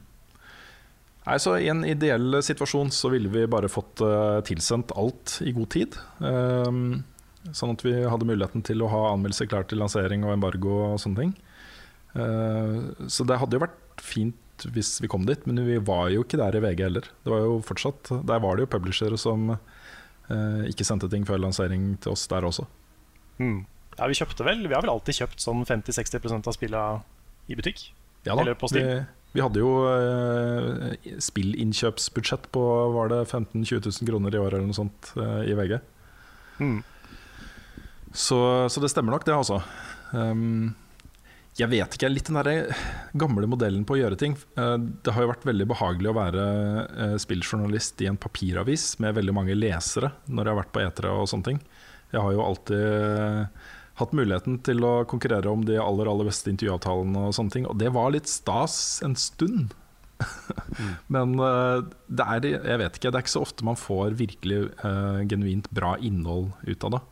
Jeg føler liksom at det beste innholdet vi lager nå, det er uh, videoer der vi er personlige og uh, finner på et eller annet artig, da, vet du. Eh, Ja. og sånne ting. Mer enn at vi har intervjua eh, sjefen i Sony. mm. Mm. Så jeg vet ikke. Ja, men det, er, det virker så altså, det, Jeg merker det personlig at liksom den spilljournalistikken som jeg setter mest pris på når jeg ser på ting, det er de som er folk, liksom. De er, de er mennesker med sin egen personlighet og sine egne meninger. Det er så, det er så mye greier å forholde seg til det, Mm. for min del. Så det er mange, mange som har gått over til det, sånn internasjonalt og rundt omkring, som jeg er veldig fan av at de har gjort. Mm. Men når det er sagt, da, så har jeg jo noen eh, ting som jeg har veldig lyst til å gjøre som spilljournalist. Og en av de tingene som jeg har hatt lyst til å gjøre lenge, det er å gjøre en turné i Japan eh, og snakke med liksom, de aller, aller største eh, spillutviklerne der.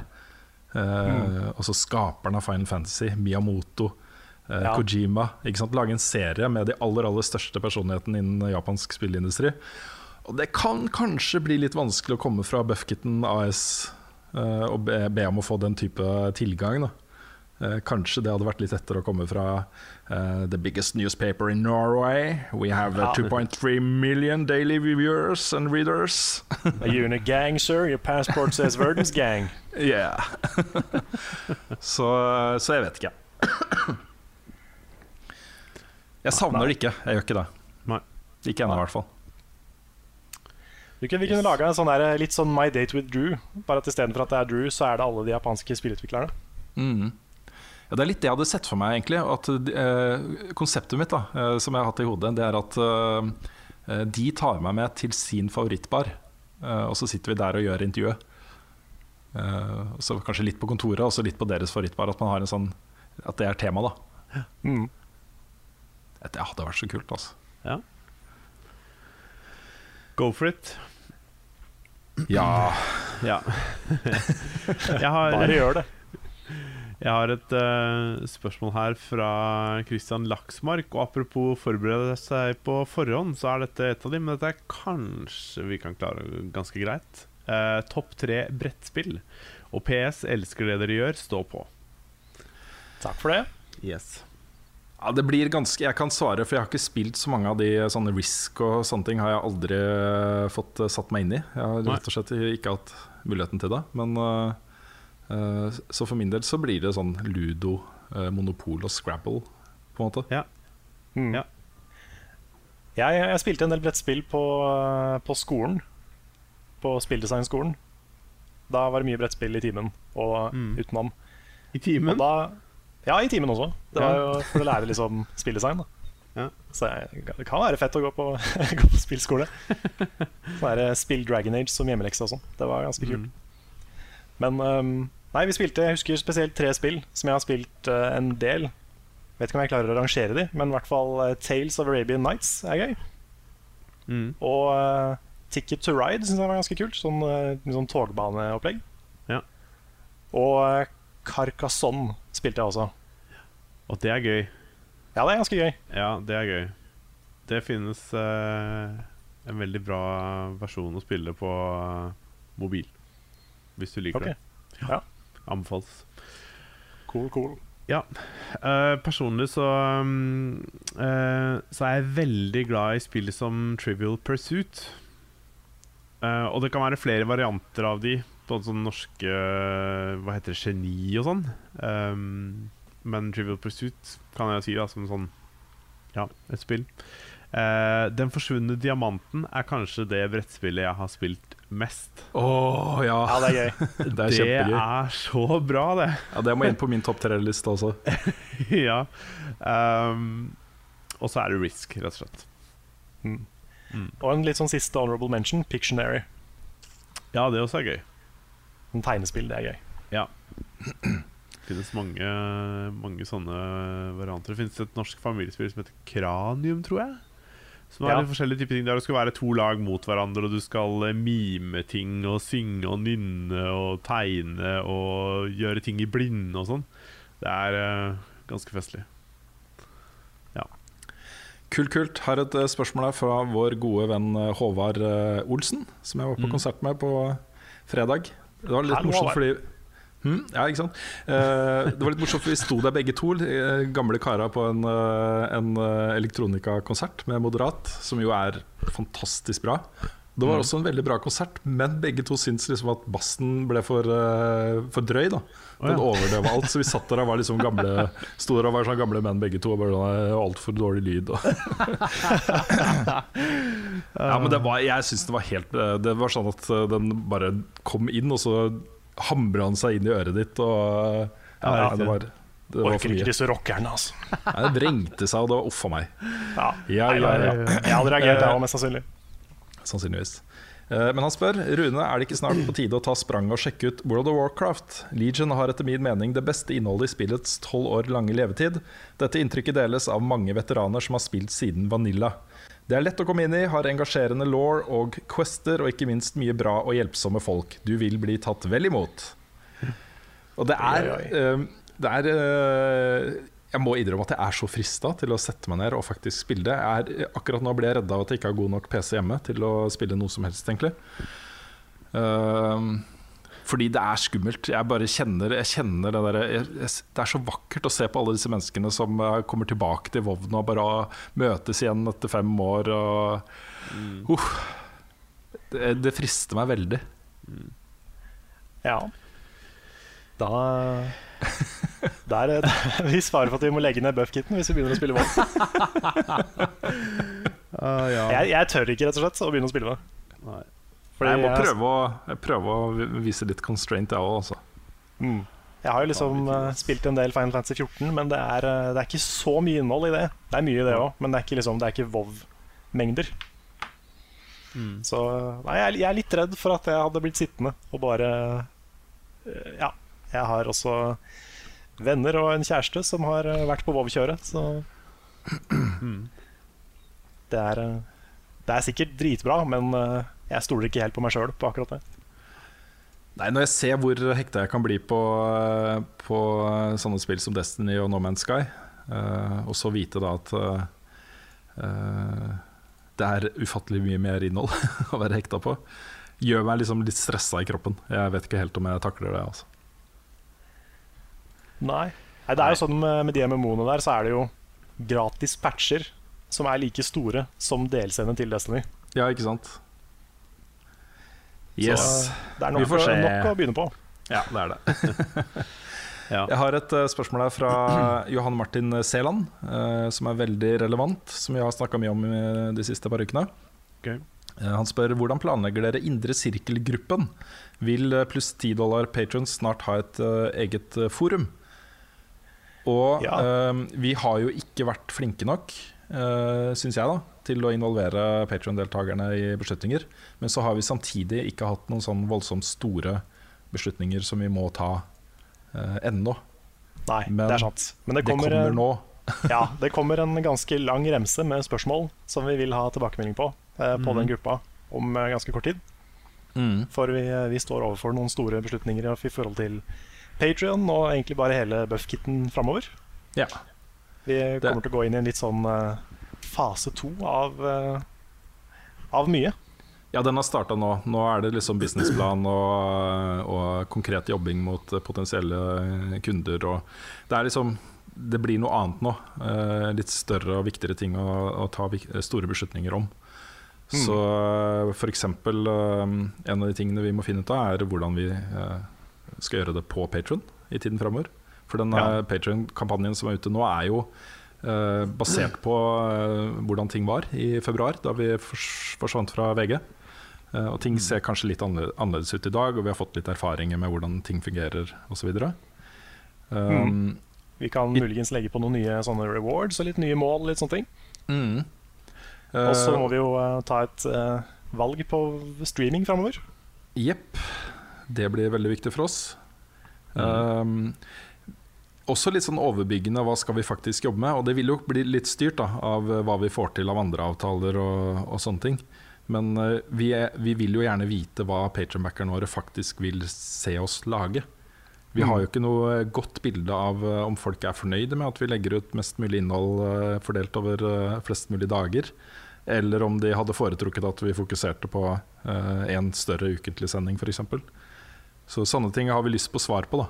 Um, Og det forumet han etterlyser, er jo for så vidt der allerede. For vi kan jo legge ut poster som vi sier at det er bare de som gir 10 dollar eller mer, som får lov til å se. Så um, Som det blir et eget forum på eh, et annet sted enn Patron, eller om vi bare bruker den, det vet jeg ikke. Men mest sannsynlig så blir det det, da. At vi legger det ut på Patron, men at det er begrensa til de som gir 10 dollar eller mer. Mm. Ja, for der også er det umulig å kommentere hverandres Altså svare på hverandres kommentarer og sånne ting. Ja da, det blir lukka liksom for, uh, for den gruppa. Ja. Det også kan vi for så vidt ta med de, om de heller vil ha et slags forum, eller om det holder med, med Patron. Mm. Mm. For vi, vi foreslo en Facebook-gruppe da vi starta, men det, det ble nedstemt, så vidt jeg husker. Ja, det, var, det, det var ikke alle som hadde Facebook, og det var ikke alle som ville bruke det. Da. Nei, og det eneste vi kan være sikre på, er at alle som backer oss på Patron, de har tilgang til Patron-siden. Det har de. så, uh, så det er kanskje det safeste stedet. Man kan jo sette opp varsler, og e-postvarsler og sånne ting på innhold som kommer der. Um, og så videre. Men det er i hvert fall uh, I alle de liksom, businessmøtene vi har hatt til nå, så har- har det jo vært helt klokkeklart hva som er fokuset vårt. Og det er jo uh, Patron-backerne som er pri én for oss. Uansett, liksom, og sånn vil det være i overskuelig framtid.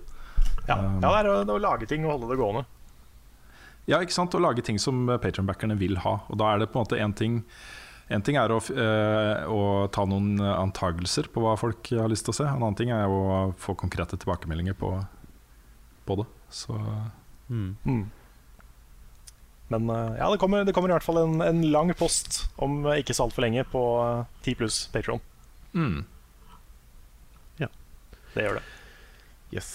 Ja, Um, skal jeg, har du et spørsmål, Lars? Ja, Fredrik Holm lurer på Det nærmer seg nytt innhold i Destiny, og hva tenker Lars og Carl om oppdateringen? Kommer dere til å bruke mye tid på Destiny igjen? Jeg kjenner at jeg faktisk gleder meg. Mm. Så ja, Jeg vet ikke om jeg kommer til å bruke mye tid, men jeg skal i hvert fall spille gjennom det nye. Og så har jeg veldig lyst til å få til et eh, raid på stream Ja. med hele level up-gjengen. I hvert fall de som har Destiny. Ja. Jeg tror også at en stream med uh, private matches, hvor vi setter opp litt kule regler og sånt, kunne vært kjempemorsomt. Ja, Ja, det PvP, hadde sikkert mm. vært uh, jeg, jeg er med på det. Det blir noe helt annet. Det er ikke også når man f.eks. Uh, setter som regel at alle må bruke No Land Beyond, eh, Carl. Ja, så, eh, så er det ikke så mye skills. Uh, ja, det er jo noe, da, selvfølgelig. Men eh, eh, jeg tror ikke det er noen av oss som er sånn supergode til å snipe i utgangspunktet. Ja, vi Ah, får ok. se. Vi får se. Mm. vi får se. Nei, Jeg gleder meg i hvert fall til det nye innholdet sjøl. Jeg tror um, det blir en sånn det er, det er nesten som en sånn happening, føler jeg det er blitt nå. Mm. Og um, jeg gleder meg til bare mer innhold og mer å gjøre og komme inn i det igjen. Og så ja. Syns det er greit å ha litt pause og komme tilbake til det. Det fungerer veldig bra for min del, i hvert fall. Mm. For da blir det mer interessant når det kommer nye ting også. Ja, For meg så er Destiny liksom en, det er som en ny sesong av en TV-serie.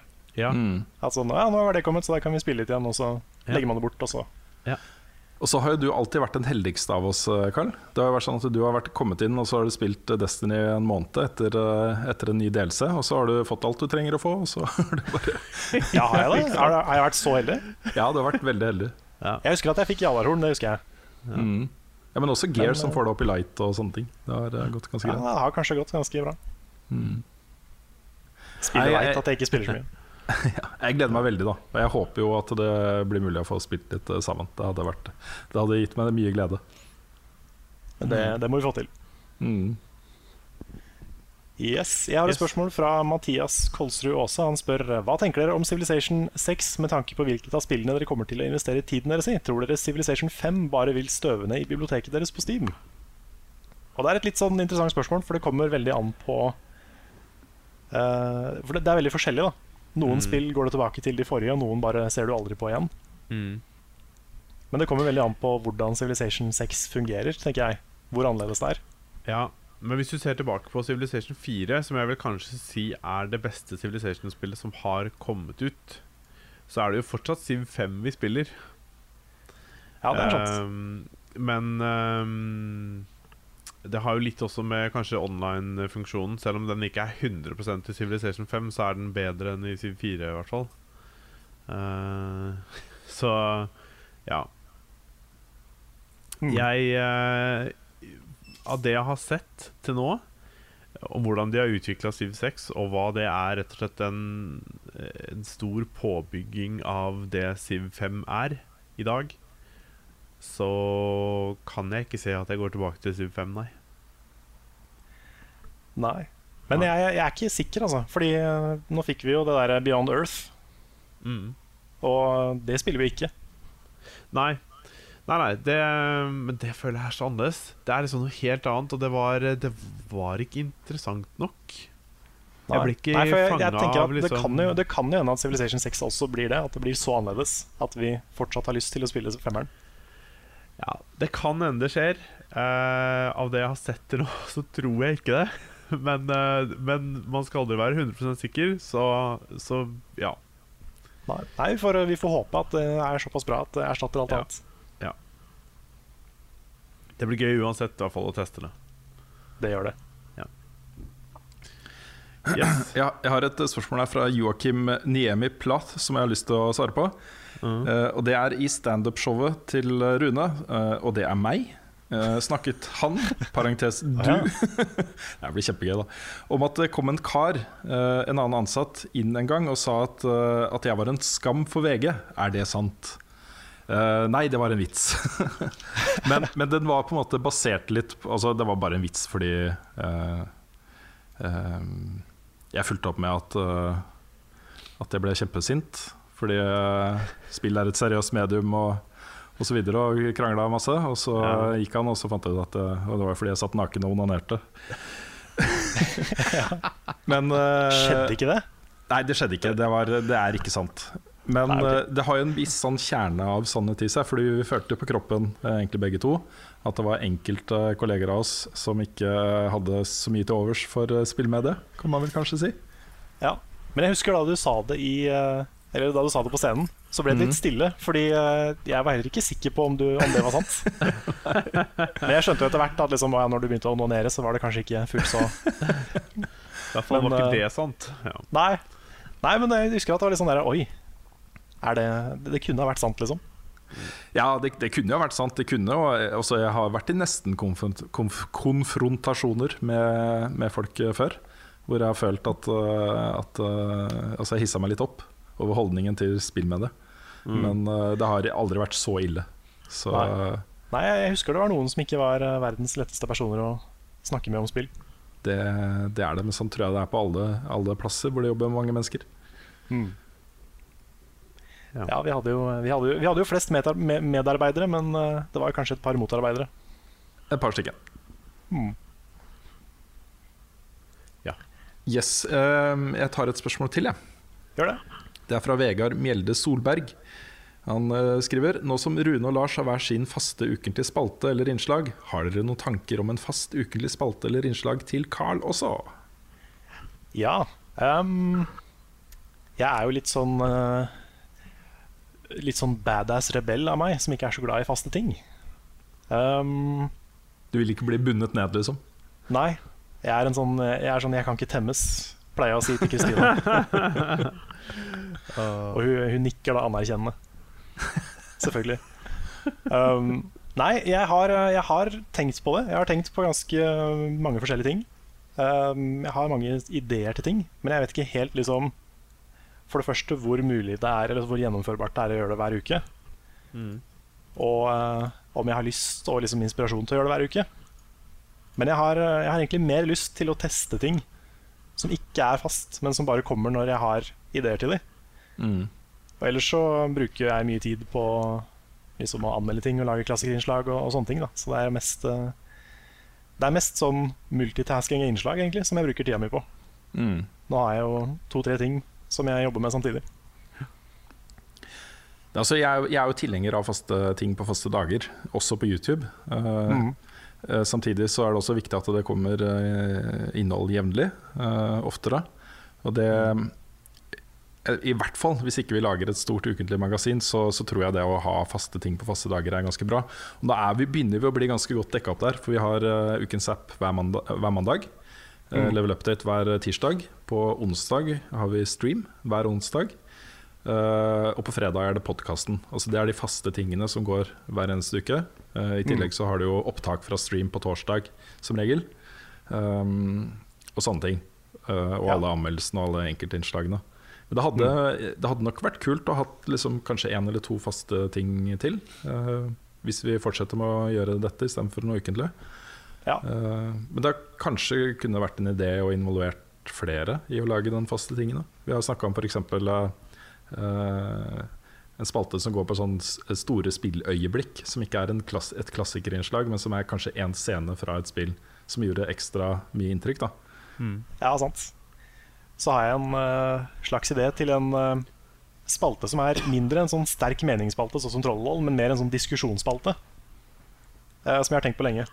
Hvor jeg liksom ikke nødvendigvis har de der eh, veldig sånn konfronterende, veldig direkte meningene, men mer en sånn oppfordrer til en slags diskusjon. da hvor, uh, hvor jeg kanskje er litt sånn det motsatte av Jon Cato. Veldig sånn usikker og Ja, kanskje, kanskje, men jeg vet ikke. Ja, jo, men, nei.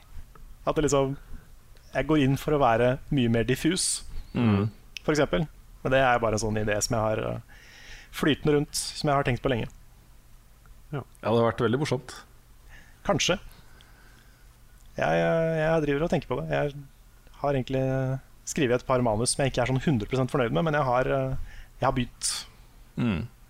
Ellers så vil jo vi jo eh, nå i tiden framover bruke en god del tid på, på eh, innovasjon og nyskaping. Ja, Immersion. fine ord. Immersion.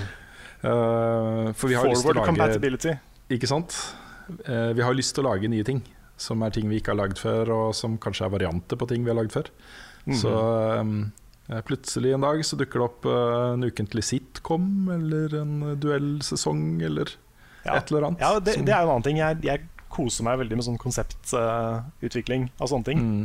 Så jeg har jo kjempelyst til å begynne å skrive en sitcom, eller begynne å skrive 100 forskjellige ting, egentlig. Ja. Så jeg må bare bestemme meg for en ting å gjøre. Og så- da kan du ikke være og... bundet på hender og føtter til å produsere Nei, ikke sant. tingene, Ikke sant? Ikke det går jo ikke det, da. Nei. Og så går jo en del av, av tida mi på klippe innslag og Let's Plays, og nå er det jeg som klipper Månedsmagasinet. Mm. Uh, og litt sånne ting, da. Så jeg bruker mye tid på, på det òg. Men uh, nei, jeg har, jeg har en del uh, tanker. Jeg må bare få konkretisert noe og bestemt meg for én ting jeg vil gjøre. Mm. Kan ikke love at det blir hver uke, men det, jeg har lyst til å lage noe som i hvert fall kommer jevnlig. Ja. Yes. Det har kommet Yes. så mye bra spørsmål på Patreon her. Skal jeg ta noen flere av det, eller? Kjør på, Kan, kan flere jeg på- gå og bæsje? Vi tar en liten vignett mens Carl bæsjer. Var det en eh, bra bæsj, eh, Carl? Det var Det hjalp. Det er er liksom, man kjente at man måtte, Fordi det er ikke ofte jeg liksom avbryter en podkast for å gå og bæsje, men det, noen ganger altså, så må man. Ja, Ja, det er, eh, Sånn er det bare. Sånn er det. Vi er mennesker. Naturen yep. kaller. tar et eh, spørsmål her fra Anders eh, Hole på Patreon. Uh, nå som Pokémon Go er en døende trend, til en viss grad, da, i parentes, hva er det Niantic kunne ha gjort for å sprute opp liv i spill igjen? Må de slippe generasjon 2 snart? Revolusjonere gameplayet, eller f.eks. plussarmbåndet uh, og Apple Watch? Uh, er det godt nok? Hva ville dere ha gjort, forutenom Google Glasses-støtte? Ja. Um, det er én ting, en veldig stor ting, som de bare må få på plass. Som jeg tror ville gjort mye, og det er trading. Hvis du får muligheten til å bytte Pokémon med andre, så tror jeg det hjelper veldig. Mm. Det er ikke sikkert uh, nødvendigvis alle kommer tilbake igjen, liksom, men uh, det, det er en ting som kommer til å holde på spillerne mye, mye mer. Mm. Så det at ikke de har implementert det ennå, er egentlig nesten krise. For det, det burde vært der fra dag én, og så har de fortsatt ikke fått det til. Ja, det er litt rart. De har ikke smidd godt nok mens jernet er varmt eh, på det spillet der, altså. Nei, de har ikke det. I det hele tatt. Men jeg, har jeg jo i hvert fall mener eh, Jeg bare kjør på, Lars. Ja, okay. jeg, jeg mener at de skulle ha gjort noe med levelet. Uh, altså levelene. Fordi de burde kanskje ikke ha hatt en level cap. De burde hatt uh, muligheten til å uh, heller levele holdt på å si nesten evig. Og så at ikke det tok flere millioner poeng mellom de 70 levelene. For jeg føler at jeg bare går og gikk og grinda og skulle gjøre ting og samla de samme Pokémon, og det var, det var liksom ikke noe variasjon. Ja. Og ikke noe progresjon heller, for når du kommer, det er, delt, eh, det er jo tre nivåer på levelinga der. Ja. Når du kommer til rundt eh, level 25, så tar det jo en evighet å komme til level 26, og sånn fortsetter det helt opp til level capen. Er det ikke sånn det fungerer? Jo. I level, hva sa du? Level Eh, til Ja, når du kommer er til level level 25. Ja. Ja. Ja, ja det stemmer. Jeg kom nettopp til 25 sjøl, og det tok jo Jeg har jo ikke spilt mye i det siste, men det tok jo mange uker for meg å gå fra 24 til 25. Ja. Mm. Og så er det jo ikke noe poeng å levele lenger når du når sånn rundt 20. Du får litt høyere CP på de Pokémonene du møter. Mm. Ellers er det ikke noe forskjell, tror jeg. Nei. Så det blir bare vanskeligere egentlig å spille når du leveler mer. Ja, Så det, det er er- noen problemer der. Men jeg er mener jo at, mener jo at eh, Pokémon GO har jo eh, mer enn noe annet vist potensialet i AR-spilling. Ja. Eh, og at det er starten på noe veldig spennende. Så um, får vi se da om eh, de tar seg sammen og eh, lager et enda bedre spill. Eh, om det blir Pokémon GO 2, eller om det blir bare eh, gradvis oppdatering av det eksisterende spillet, eller, eller eh, hva det blir. Men eh, Det er jo ikke, det er ikke usannsynlig at Pokémon Go fører til en ny bølge med litt sånn store eh, Sånn som Sony og Nintendo sånn store aktører som liksom hopper på mobil. mm. Så det kan jo hende Pokémon Go er med på å redde mobilmarkedet. Jeg vet ikke. I hvert fall gjør det bedre. Jeg vet ikke heller, men det er ikke så mange IPs eller sånne eh, merkevarer der ute som er så godt egna som Pokémon uh, til den type spill. Jeg har prøvd å tenke litt hva, hva annet er det som hadde fått 500 millioner mennesker til å gå ut og, og kjøpe det, liksom. Ja, ja, det er vel kanskje potensielt Super Mario Run. Ja, kanskje. eh, men jeg tenker vi må over på Harry Potter og Star Wars og, og sånt, jeg. For å f- Ja, se det samme, samme potensialet igjen. Ja, Kanskje. kanskje. Spørsmål fra Stian uh, Slorby. Hva er favoritten mellom indisk, thai eller italiensk mat? Italiensk. Altså, Italia har jo den store fordelen at de har pizza. Det er liksom Og lasagne. Ja, for så vidt lasagne og pasta også, selvfølgelig. Men uh, pizza er liksom pizza. Pizza. Det er så mye god pizza. Pizza er the Pokémon Go av mat. ja. Ja, altså for min del så tror jeg det må bli thai. Jeg eh, elsker eh, forskjellige kombinasjoner av kjøtt og grønnsaker og wok og ting og tang. Det er så mye godt, altså. Mm. Og Ja, det er jeg ville nok, vil nok valgt det. Var kanskje Jeg er på- annerledes jeg er på- men ja. Jeg er på indisk, da, så vi er, det her ble jo veldig interessant. Da hadde vi Ja, på hver. ja. Det blir lett for oss når vi skal uh, gå ut og spise sammen. Hva skal vi velge? Ja, vi går hver til vårt. ja. Ja. Nei, men det, jeg er veldig glad i indisk mat. Jeg spiser ikke nok, men vi lager litt sånn uh, basic uh, tikka masala hjemme av og til. Eh, men det å spise det på en god indisk restaurant eh, Jeg er mest glad i, eh, i chicken tikka masala. Og for så vidt også butter chicken syns jeg er kjempegodt. Men det er noe med kombinasjonen av, av saus og raita og mango chutney og ris og uh, kjøtt, liksom. Det er kjempegodt. Jeg er veldig glad i det. Og nanbrød. Perfekt. Perfekt. Ja, altså for all del. Jeg hadde ikke sagt nei, jeg heller. Så, Nå ble jeg veldig sulten. ja. Yes. Eh, ja, jeg, tar, jeg tar et siste Eller hadde du noe fra Facebook? Ja, vi har et Ja. spørsmål som vi, kan, eh, som vi kan svare på. Det er Josef Diamond som spør Er eh, Funcom en bra investering sett fra et aksjeperspektiv. Ja, det er et godt spørsmål. ehm, og det har jo vært sånn historisk sett med Funcom at eh, ehm, det er mange som har gjort gode penger på å kjøpe aksjer rett før lanseringen av eh, de store spillene deres. Ja. Eh, eller eh, også selge de rett før lanseringen, for da er aksjekursen ofte ganske høy.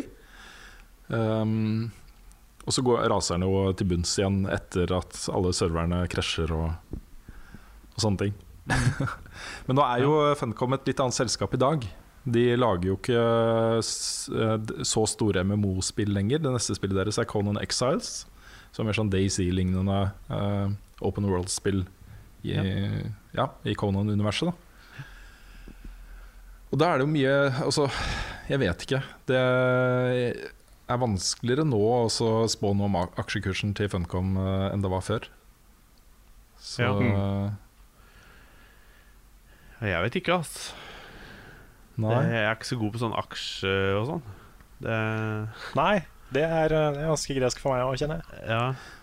Jeg klarer ikke å gi noen konkrete, kjempegode tips her. Det som er Nei. det generelle Altså, eh, det å eh, kjøpe spillaksjer, altså aksjer i spillselskaper, er jo gambling ofte. I hvert fall hvis det er litt uprøvde ting.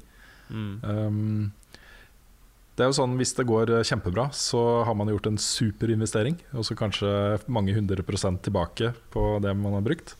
Eh, men hvis ikke det går så bra, så tapper man jo pengene. Ja, Det er sånn det fungerer, det. Det er jo det. Er det? Og, og sånn sett så er det jo mye vanskeligere å spå om, noe, om et litt uprøvd spill blir en suksess eller ikke. Um, du så jo det med Pokémon Go, at aksjekursen til Nintendo føk først til himmels, og så falt ganske dramatisk etter at det, folk skjønte at det ikke er Nintendo som har laget spillet. Ja. Ja. Så, men aksjekursen gikk jo også opp når de annonsa eh, Super Mario Run til IOS og Android. Så Mm. Ja. jeg vet ikke. Jeg, jeg, eh, jeg, jeg tenker at Funcom-aksjen er ganske usikker nå. Eh, det er nok noen som gleder seg til Con Exile, så det kan godt tenkes at det blir kjempebra. Men eh, jeg er veldig usikker på hvordan det slår an internasjonalt. Altså. Ja, nei, jeg, Ja. kjenner at jeg har, jeg har ikke så veldig forhold til Konan generelt. Så jeg har liksom aldri blitt hypa på verken MMO eller det her.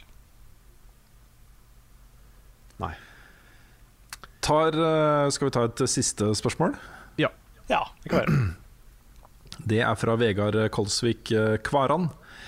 Han spør bør spillmedier bli flinkere til å ta opp viktige og samfunnsaktuelle tema. Bøker og film syns jeg ofte gjør det, men mitt inntrykk er at spillmedier fortsatt er litt for forsiktig og litt for opptatt av å være ren underholdning. Stemmer dette med deres inntrykk? Jeg syns det er et godt poeng. Det er, det er mange spill som kunne sagt noe ganske viktig om diverse temaer, men som kanskje ikke helt har muligheten til å gjøre det. Jeg har jo Ja. hørt at f.eks. det nye DU6 har blitt kritisert for det. At det kunne sagt ganske mye riktig om eh, liksom segregering og eh, diskriminering og sånne ting, men velger ofte å ikke gjøre det. da. Så Ja. jeg er litt enig i at det kunne nok vært mer av det. Og så er det også, jeg tror jeg, tilfellet nå i spillmediet at, at eh, mange av de utviklerne som gjør den type grep i spillene sine, enten eh, sånn symbolsk tematisk eller direkte tematisk, eh, eh, som f.eks. Uh, This War of Mine, som jo er et veldig direkte eh, um, greie på krig, liksom. Hvordan det påvirker mennesker. Ja. Mens et spill som The Witness kanskje er mer en sånn psykologisk et eller annet innblikk i hjernen til eh, Jonathan Blow. Mer sånn åpent for tolkning, på en måte. Eh, men helt opplagt veldig mye symbolikk da, eh, som kan tolkes. Og jeg føler jo at eh, mange av de mest interessante stemmene der er mer opptatt av å uh, snakke om liksom, sånne menneskelige ting, mer enn eh, hendelser i samfunnet generelt. Ja. Mm. Ja, men det sier jo litt om Altså Hvis du snakker om for eksempel This War of Mine, det sier jo litt om hvordan Om hvordan folk er, og hvordan de tenker, og hvordan Hvordan man Altså Vet ikke jeg hvordan de har basert spillene sine på fakta eller ikke, men jeg antar jo at de har gjort en viss uh, research her. Så um, Og det er ikke kan, Det er ikke nødvendigvis vanskelig å forestille seg at det er jævlig å være utsatt for krig. Så, mm. og, men jeg syns akkurat This War of Mine viser et um, Det er et spill som viser veldig godt at det går an å ta opp samfunnsaktuelle ting og samtidig levere et utrolig bra spill. Altså godt gameplay. Ja, for det, jeg, tror det, jeg tror det er det som er hovedutfordringen. Fordi um, det er nok ikke så lett å spillmatisere finanskrisen, f.eks. Um, Nei. og en, en del sånne eh, store problemstillinger i samfunnet vårt er det, er det ikke så lett å lage et spill av, rett og slett. Eh, så det blir mer de generelle temaene, og der syns jeg nok spillmediet burde, burde og kunne blitt mye flinkere. Sånne ting som går på rasisme og Mm. Ja. um, Ja, du- du har- overvåkningssamfunnet. Ja, du har et sånt utrolig potensial der, sånn som, Mm. eh, sånn som i f.eks. Uh, Papers, Please. Det setter deg liksom i en situasjon som du aldri har tenkt på engang. Mm. I hvert fall, Jeg har aldri tenkt på hvordan det er å være sånn eh, grense... Hva heter det? Grensevakt? Eller? grensevakt, eller noe sånt, ja. I, eh, i en liksom veldig sånn oppressive stat. da Mm. Det har aldri liksom falt meg inn hvordan det er, men du blir liksom satt i den situasjonen. Du har en familie som du må ta vare på. Og det der potensialet for opplevelser, da, som er, veldig, som er ekte, men som er veldig langt unna deg, Mm. det er så stort. Mm. Så ja, jeg, jeg har veldig lyst til å se mer av det. Mm. Og så har du jo en sånn ganske Jeg vet ikke hvor mange de er, men de er i hvert fall veldig bråkete. De som roper om at liksom, ja, politikk og virkelighet og temaer Det har ikke noe plass i spill. Og jeg er så utrolig uenig i det. Ja, samme her. Og jeg, jeg skjønner liksom ikke den tankegangen. At spill bare ikke skal være aktuelle og skal ikke si noe. Og det er ofte liksom De som da i tillegg mener at spill er kunst, jeg skjønner ikke helt hvordan de kan si det. Mm. Hvis de samtidig mener at spill ikke skal ta opp temaer. Så Ja. det, er en, det er et segment av Ja. gamersfæren som jeg er utrolig uenig med. Mm. Vi lærte jo også en liten greie i går om at uh, Monopol visstnok var laget for å vise hvor ille det var å ha monopol på ting. Ja. Var det ikke det Frida fant ut? Jo, at Monopol var et veldig sånn samfunnskritisk Og- spill. Ja, det er en sånn ting jeg aldri har tenkt over, liksom. Men det er jo, når du tenker over det, så er det veldig sånn Ja, det er noen som blir veldig rike, og de rike blir rikere, og de andre blir bare Ja, det går gærent, liksom. Ja, sånn som da jeg satt igjen og hadde da bygd eh, 12, 4, 8, 12, 12 hus. Ja, Du bare blokkerte for alle andre, liksom. Ja. Det- Ingen fikk bygge hotell eller kjøpe Nei. flere hus eller noen ting. Jeg syns fortsatt det er utrolig At det er et sånn utrolig teit designgrep. At du kan liksom Ja. Du kan bruke opp husa i esken. Mm. At det er en strategi. Ja, det var tydeligvis en strategi. Det Det er er, sikkert en eh, del av det de ønsker å fortelle, da. Om at liksom Jeg vet i hvert fall at neste gang vi spiller eh, Monopol sammen, så kommer det til å bli et rotterace som vil kjøpe de billigste gatene. ah, Fy faen, uh, og få fylle de opp med hus. Jesus Christ, ja. Ja, det blir jo det.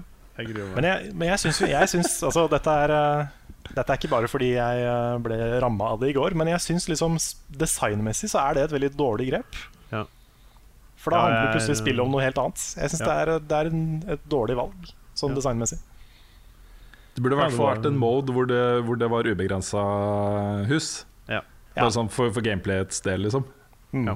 Ja. for det, det er litt som om liksom Å, nå passerte du start, så du får eh, 200 dollar. Men sorry, det var ikke mer dollar igjen i kassa, så du får ikke de. Ja, men holdt på å si, er- kan ikke det være nesten en realitet? For det er vel ikke uendelig med penger trykt opp? Og det er ikke, det er ikke bare å trykke opp nye penger. Nei, Nei, jeg har ikke, jeg har ikke um, opplevd at det har skjedd i Monopol. Det kan hende det er sånn nå, for så vidt. Ja, At hvis hvis det er tomt for penger i banken, så får du ikke noe. Nei, jeg vet ikke. Jeg tror vi lar det være Ja. siste ord. Du må løpe til neste avtale, Lars. Ja, nå skal jeg ned og få uh, fysioterapimassasje på en uh, litt vond skulder. Så mm, Det må til. ja, det må det. Må det. Ja, nei, da er det, da er det bare å si eh, hjertelig tusen takk til alle dere som har hørt på denne nok en gang ganske lange podkasten. Det er hyggelig at dere er med oss, og veldig stor takk til alle dere også som backer oss på Patreon. Det setter vi voldsomt pris på, og det er eh, dere som gjør at vi kan sitte her og holde på. Ja. Så det er eh, veldig bra. Har dere noen siste ord, eller skal vi eh, si takk for nå? Kjør på. Jeg har et siste ord. Ok? Bæsj. Da hopper vi glatt over i uh, ukas spillsitat. I bet if I kissed you, you'd taste like a wild beast.